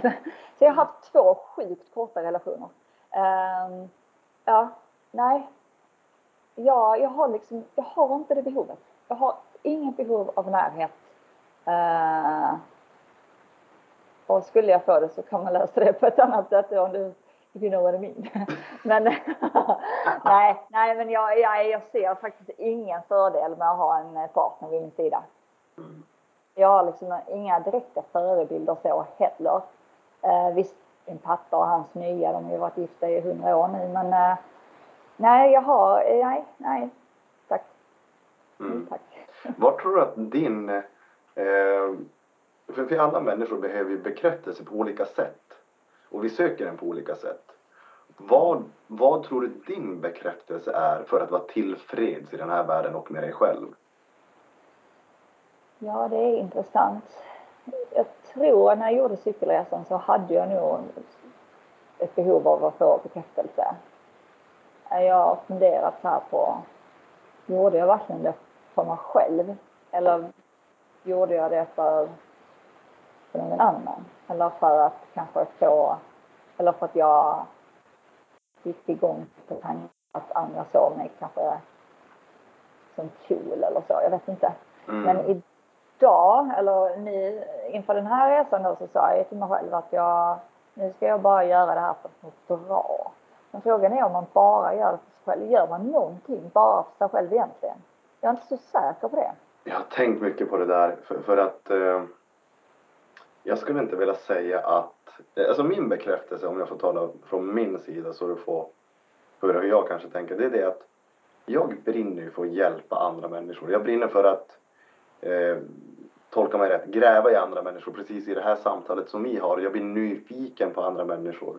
Och att kunna få dela din historia eh, och, att, och att få vara den människan som du sitter och öppnar dig mot är en bekräftelse i sig för mig. Det gör mig väldigt hel. Om du förstår vad jag menar.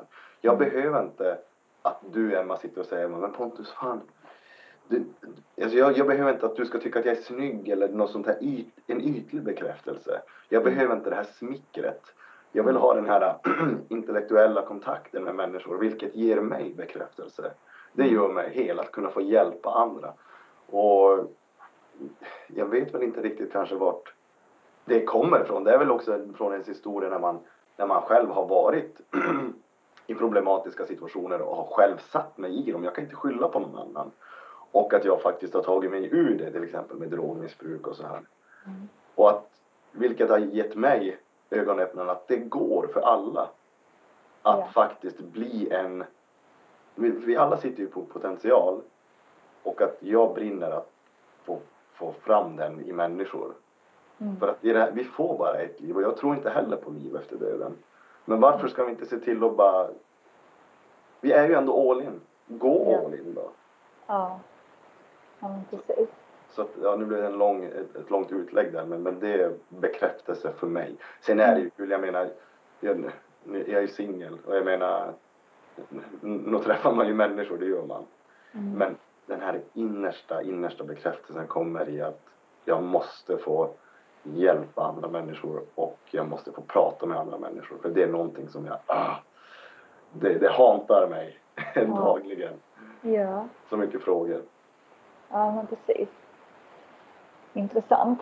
Uh, ja, nej, men det är väl klart att man uh, förmodligen är ute efter bekräftelse fast på andra sätt. Och jag kan nog mm. relatera till det du sa, att det kanske inte är det ytliga. Mm. Uh, just och sen går jag och slingar mitt hår ändå och gör det för mig själv eller är det för att jag vill vara fin inför andra? Ja, jag vet inte. Det, det är så svårt att svara på men ja, jag skulle ju absolut sitta och ljuga om jag säger att jag inte är behöver bekräftelse. Men det finns ju olika sätt att behöva bli mm. bekräftade på. Eller hur? Exakt. Och jag menar, då kan jag tänka mig i ditt fall, eh, liksom, när du gör den här långa vandringen, det är väl på något sätt bekräfta för dig själv att du, som vi pratade om tidigare, att du är stark. Att det du tar dig an, det klarar du. Det är ja. inget snack om saken. Nej, precis. Och sen eh, Ja, ja, så där gör jag det för min egen skull. Men jag vill ju samtidigt ändå bevisa för andra att det omöjliga är möjligt. Så att, eh, eller hur? Så jag gör det kanske inte bara för min skull. Jag vill också få andra att fatta att det finns kanske andra möjligheter i livet. Um, och att man, man ska bara behöva, man ska bara våga drömma stort. Liksom. Det är många som drömmer men som aldrig vågar eh, göra verklighet av det. Mm. Men ja, man ska bara tro på sig själv helt enkelt. Och det är väl lite det jag vill förmedla kanske, att ingenting är, är omöjligt. Mm. Ja, men så är det ju. Hur tror du att män tror att vi kommer dö ut, mänskligheten? Tror att, det, tror att vi kommer ta ihjäl oss själva? Eller vad är din syn på det hela? Och jag hoppas verkligen det. Jag vill ju att Homo sapiens ska dö ut och så illa kvickt. Tack. Um, ja, det kanske vi gör någon gång. Det tror jag absolut. Men det kommer nog ta tid för människan är så smart. Så de kommer, människan kommer att finna vägar runt det. Eh, skiter det ena sig så kommer de på något annat istället. Det kommer nog inte bli en särskilt trevlig värld att leva i. Men jag tror nu vi kommer att överleva väldigt mycket längre till. Det är vad jag tror. Men förr eller senare så kommer nog Moder Jord att släcka ner oss. Tänker jag. Mm. Men det är ju bara att kolla på, det är ju bara att kolla på hela ja, evolutionen liksom. För det har gått, ja, Jag menar, jo, jag tänker också, om det är någonting så här, jag tror inte på Gud eller någonting sånt, men jag tror verkligen på att universum har sin gång. Vi kan inte, vi kan inte twista universum. Om man kollar liksom på jordens istid och dinosaurier och allt vad som har funnits och hur, hur länge, så flera miljarder år, liksom människans existens är ju typ bara en sekund i den här tidslinjen. exakt. Vi, vi är så nya Ja, och, och, och nu, liksom hur, hur utvecklingen ser ut nu. Nu gör, ju, nu gör vi ju nästan allt i vår makt för att se till att vi ska kunna leva så länge som möjligt. Ja, Liksom med stem cells och liksom replacements och allt vad som finns där ute för att eh, kunna Ja. göra oss liksom långvariga. ja, exakt. Det är sjukt läskigt. Spännande. Är, en del av mig vill ju verkligen se hur långt eh, vi kan ta oss med teknik och så. Eh, Vi utvecklas hela tiden men det är också sjukt läskigt och kanske är det till och med onödigt eftersom jag inte tror på ett liv efter döden så var är poängen. Men Mm. eh, visst, alla har vi ju olika sätt att ta sig igenom livet på, eller hur? Och Mm. är man nu så briljant och är ett geni och har den förmågan så fine, jag köper det. Jag fattar att de behöver göra sitt för att ta sig igenom i sitt liv liksom. Men du drömmer inte om så här speciellt mycket pengar eller någon sorts frihet. Men, för, för det känns som att du är väldigt fri i dig själv. Och, och liksom ta Ja, lite dina eh, ja, men, äventyr som de kommer. Liksom, du kan, ja men du lever själv och har valt att leva själv så att du kan ju ha den här friheten med att kunna ja, men, dra när du vill egentligen. ja, för mig är ju det frihet. Andra Ja. hade väl inte sett det som en frihet kanske. Eh, Så det beror väl på hur man definierar det. Eh, Ja, för mig är det ju frihet att inte binda upp mig och ha en massa onödiga beroenden till något eller några liksom. Ehm, och inte binda upp sig till saker som, vad vet jag, lån, boenden eh, och så vidare. Jag vill bara kunna dra om jag vill det och kunna förflytta mig snabbt och så vidare. Hur bor du nu när du är hemma i Sverige? Eh, för några dagar sedan så flyttade jag in i min mosters lägenhet. Så nu bor jag inneboende här, men de är aldrig här. Så att det, Okej. det är, den är mer eller mindre min egen. Så ja, och jag kommer och äh, just nu så är det bara ett kaos i huvudet. Jag är spretigt, jag vet inte riktigt vad jag ska göra och så vidare. Men jag behöver en inkomst, så jag är extraknäckare som väktare. Och eh, samtidigt så söker jag ju jobb som brandman, som sommarvikarie. Så, så får vi se. Nu är det inte säkert att det är det yrket som passar mig om det nu är så att jag kommer fortsätta resa. För jag kan inte bara dra iväg i några månader. Det är väldigt få yrken tror jag, få arbetsgivare som låter mig göra det. Mm.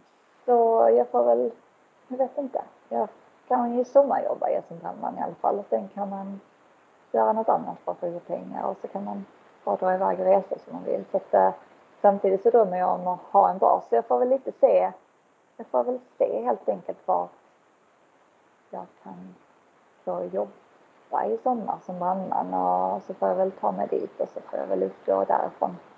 Eh, som du hör så är det ett enda stort kaos. Jag Ja. förstår, jag förstår Ja. ändå. Ja. Jag vet inte. Hur, hur hanterar du kaos? Känner du att det blir, alltså blir du stressad av det eller, eller känner du att du kan infinna dig i det med harmoni? Eh, jag är väl stressad men jag ser det som ett positivt stress. Det får inte mig att må dåligt Mm. överhuvudtaget utan jag blir snarare, snarare taggad av det.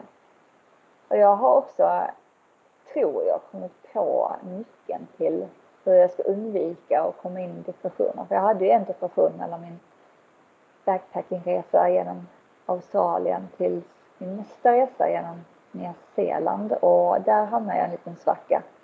Men eh, det är, ja, jag vet inte, jag, jag- måste hela tiden ha nya mål att se fram emot. Det hade jag i och för sig där också. Jag hade ju Nya Zeeland att se fram emot. Så varför jag hamnade i en svacka, det vet jag inte. Men sen dess har jag inte haft en depression och nu pratar vi alltså över tio år sedan. Så jag, jag tror att så länge jag bara tillåter mig själv att göra det jag vill och inte begränsas av, eh, eh, vad ska man säga, samhällets eh, förväntningar eller så, utan bara göra min egen grej och så, så kommer jag nog för alltid att må bra. Jag vet inte. Det, är- det är ganska det stora, det stora ämnen att ta i. ja, ja. Men Ja. jag mår bra och jag ser alltid till att må bra. Jag gör vad som krävs för att jag ska vara där. Mm. Eh, och det är nog, eller vad vet jag, alltså det är väl enklare att göra det som singel tänker jag när man har barn för då tillkommer det andra, då adderas det väl andra problem. Då är man inte helt, helt då är man inte bara, um, det är ju inte bara sig själv man ska se till må bra liksom, utan då måste man ju, har man ju andra under sig också att ta ansvar för. Så är det ju. Jag menar, det- så är det ju med barn. Skaffar man hund blir man direkt mycket mer låst. Exakt, så är Så det att, eh, så att det, ja, jag vet inte. Jag, det är därför jag, jag, man vill ju ha hund. Jag är uppväxt med hund men Ja. jag känner att jag vill inte skaffa hund för att det är, jag vet hur låst man blir. Ja, Och sen att bara få höra liksom för både min brorsa, min lilla syster och mina föräldrar har ju hund och sen bara det här och, och, och liksom fråga efter hundvakt hela tiden. Bara det blir ju också lite så här och be om, man blir så beroende av andra och ja. eh, så att ja, det får vänta. det var vänta.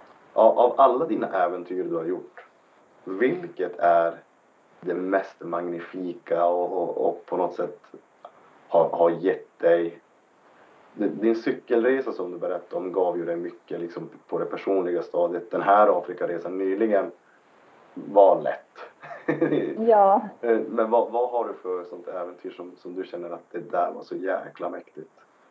Ja, men det måste ju, då får jag nog säga Australien ändå. För att det var min absolut första backpackingresa. Jag hade väl tidigare inte varit ifrån min mamma i mer än två veckor i sträck till exempel. Och jag minns de första fem dagarna så grät jag ju från morgon till kväll. För jag, jag ville inte hem. Men det var ju en saknad. Det var ju, det var ju jätteläskigt. Det var en ny miljö där man inte visste hur någonting funkar liksom. Och jag visste ju inte ens vad ett hostel var liksom. Jag fattade inte hur jag skulle ta mig runt från A till B och så vidare. Men allting eh, pusslades ju samman eh, så småningom allt eftersom man kom längre in på resan. Så att, eh, och då var jag så ung, jag hade inga förväntningar. Eh, jag hade verkligen the time of my life alltså. Det var Mm. så kul och jag fick ju vänner för livet som jag fortfarande är jättenära. Så. att, Mm. Ja, så det är absolut min första resa. Det var, det var fan, det var kul. Även om det kanske inte var något fysiskt utmanande så, för jag tog mig runt på annat sätt. Men det var så kul. Mm. Hur länge var du borta då? I nio månader. Du, du gör långa äventyr Emma. Det är inte Ja. någon sån här eh, en månads backpack i Thailand utan vi snackar upp mot ett år. Ja, och Nya Zeeland var ju också ett år. Men jag gillar liksom, eller i och med att jag är så spontan och så, så kan jag ju hamna i en massa olika situationer. Så eh, när jag var i Darwin till exempel efter en fem veckors lång roadtrip med två tjejer som jag träffade där i Australien så, så ja, samma dag som vi skulle säga eh, hej då till varandra så, så stod vi i en kö i en mataffär och vi var alla tre skithungriga och jag blev runt irriterad när jag är hungrig. Så vi, vi spanade in liksom den kön som hade flest, eller minst folk i sig och vi hittade en då. Alltså det var bara en snubbe så vi, vi valde den kön. Och, men han handlade så sjukt mycket mat så jag, då frågade han så här irriterad, vad fan ska du med all den maten till då? varpå han svarade att om en vecka så ska jag segla till Madagaskar. Och direkt när han sa det, jag bara Va? Nej, kan jag få följa med? sa jag då på skoj. Och så sa han, ja men absolut. Så en vecka senare så drog vi. Ja, men då blev det inte Madagaskar på grund av eh, vindarna och lite sånt tydligen. Han var precis nyexaminerad, eh, här, vad kallas det för? Kapten? ja. Så att eh, vi drog till Singapore istället. Så det blev jag, en ryss och en tysk. Eh, ingen kände någon. och, eh, så det blev 26 dagar på öppet vatten nonstop. Uh, och ja, herregud, det var ju ett äventyr i sig alltså. Uh, ryssen hade aggressionsproblem. Tysken var mytoman. Uh, så du kan ju själv föreställa dig. 26 dagar med de här snubbarna alltså. alltså förstår du ja. tålamodet du har fått träna genom alla, ja, alla år? ja, verkligen. Ja, det var kul. Ja, ja, men det är många som också säger som har gjort det eh, trippar till eh, Australien och Nya Zeeland att det är, det är sånt där, man måste göra det någon gång i livet. Ja, jag är bara beredd att hålla med. Ja. Eh, man ska nog göra det tidigt i livet också för att det, är det är väldigt mycket fest, eller ja det måste man ju inte men det, det är väl en annan typ av resa om man är äldre såklart men ja, nej det var kul, det var så kul. Hur ser det, festar du mycket nu för tiden? Nej, alltså, nu, alltså typ när du är hemma i Sverige och sådär? Ja, nej, alltså det passar ju inte min livsstil och det kan du nog förstå också. Men jag fattar att du ställer frågan. Nej, alltså jag tränar ju väldigt mycket. Så de som har sett mitt Insta-konto vet ju att jag har gjort, ja, lite allt möjligt där. Lite powerlifting och eh, nu senast, för, alltså innan vandringen då, så höll jag på med lite kroppsbyggning och sådär. Jag stod ju aldrig på en scen eller så, men eh, jag tycker det är väldigt kul att vara i gymmet. Så att eh, det går inte hand i hand med att dricka. För det gör jag otroligt sällan. Mm. Eh, jag har inte tid. Jag har, nej, det är bara, ja, jag, är, jag förespråkar att det ska finnas 30 timmar per dygn. Jag tror jag har svårt att få igenom den idén. ja, nej, jag tycker inte 24 timmar räcker eh, för mig. Mm. nej, du får inte ut något av festlivet, så varför, nej, nej, varför, varför engagera sig där? So call me a cynic, call me a bummer. I don't wanna be that way anymore. This life that I've been living, living without color, ain't a life worth living. Om du Emma får sätta din prägel på livet och ge oss tips och tricks till lyssnarna och liksom om du får med egna ord berätta vad vi ska ta med oss här i livet. Nu vet vi ju att du vill ju att vi alla ska dö. Men om, om, om, om, du får lämna någon sorts inspiration och motivation till oss. Jag ska försöka, ja. Uh, ska du ställa frågan liksom? Nej, jag har ställt den redan. Du har ställt den nu? Okay. ja. ja. det är bara, det är bara, ja precis, den är som en, den är en öppen fråga om du får sätta med egna ord. Ja. Men jag tänker som så här, vi har ett så kort liv på jorden så försök Uh, göra det bästa av det. Det är väl lättare sagt än gjort. Alla har vi olika livsöden och så vidare. Men våga och dröm stort. Och uh, låt det inte bara vara en tanke utan uh, sätt det i verk. Uh, vad kan gå fel? Vad, det värsta som kan hända är att det går åt helvete. Och är det hela världen då? För att det har gått åt helvete åt mig, för mig också. Men jag tror man ska bara våga. Uh, och kom ihåg att ingenting är omöjligt. För det är det verkligen inte. Det är det verkligen inte. Brukar du tänka så här risk och reward? Um, för, för jag menar, många som, som jag också pratar med är att ja, men jag har familj, jag har det här jobbet, jag kan inte, jag kan inte eh, nå mina drömmar på grund av det och det och det. Fast det är inte helt sant. Nej, det är inte helt sant och jag brukar säga till dem som känner sig lite förlorade att gör en bucketlista. Skriv upp allting så att det blir jävligt konkret.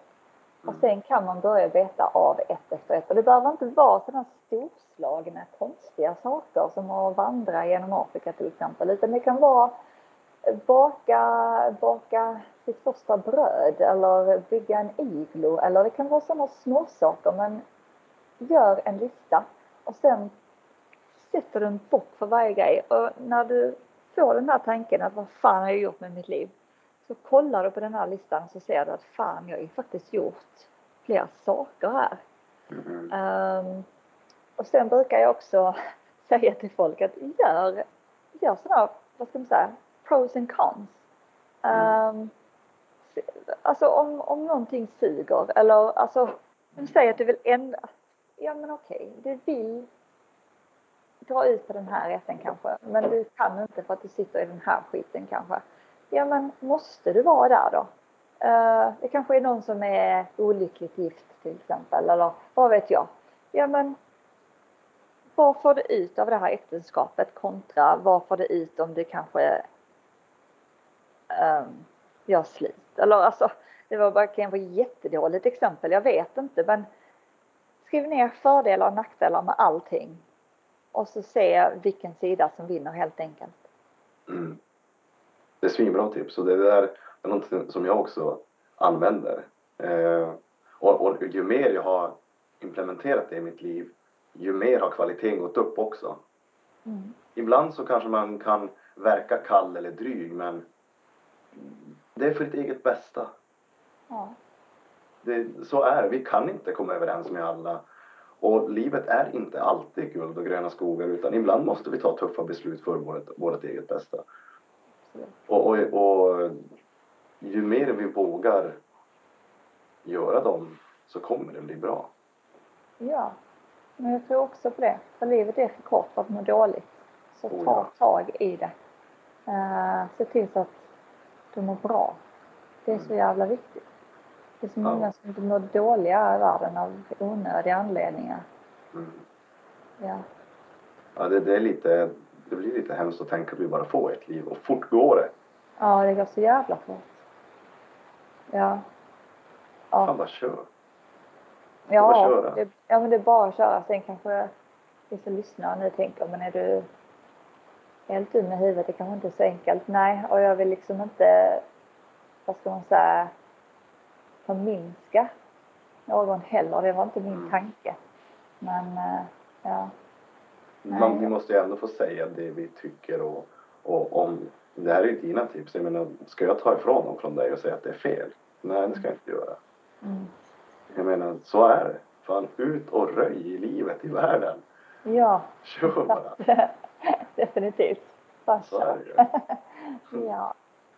Så, eh, ja, nej men jag är otroligt tacksam att vi lyckades göra det här äntligen. Jag har sett fram emot ett år och jag, jag är positivt överraskad att liksom det var så enkelt, din senaste resa. Jag tänkte att nu jävlar, nu har hon mycket att berätta. Men det var, nej, det var för enkelt. Ja.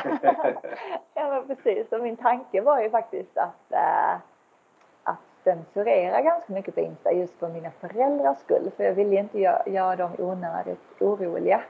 Ähm, men det finns liksom inga, det finns inget uh, som finns inget undanhållet. Det finns inget filter, det behövs inte. ja. Nej, så att eh, som sagt sjukt tack- tacksam och jag hoppas att vi ses snart. ja, det hoppas jag också. Vi måste få till en reunion väldigt snart. Ja. Så eh, vi tackar Emma och eh, till er där ute så säger vi på återseende. Sköt om er. Hej då!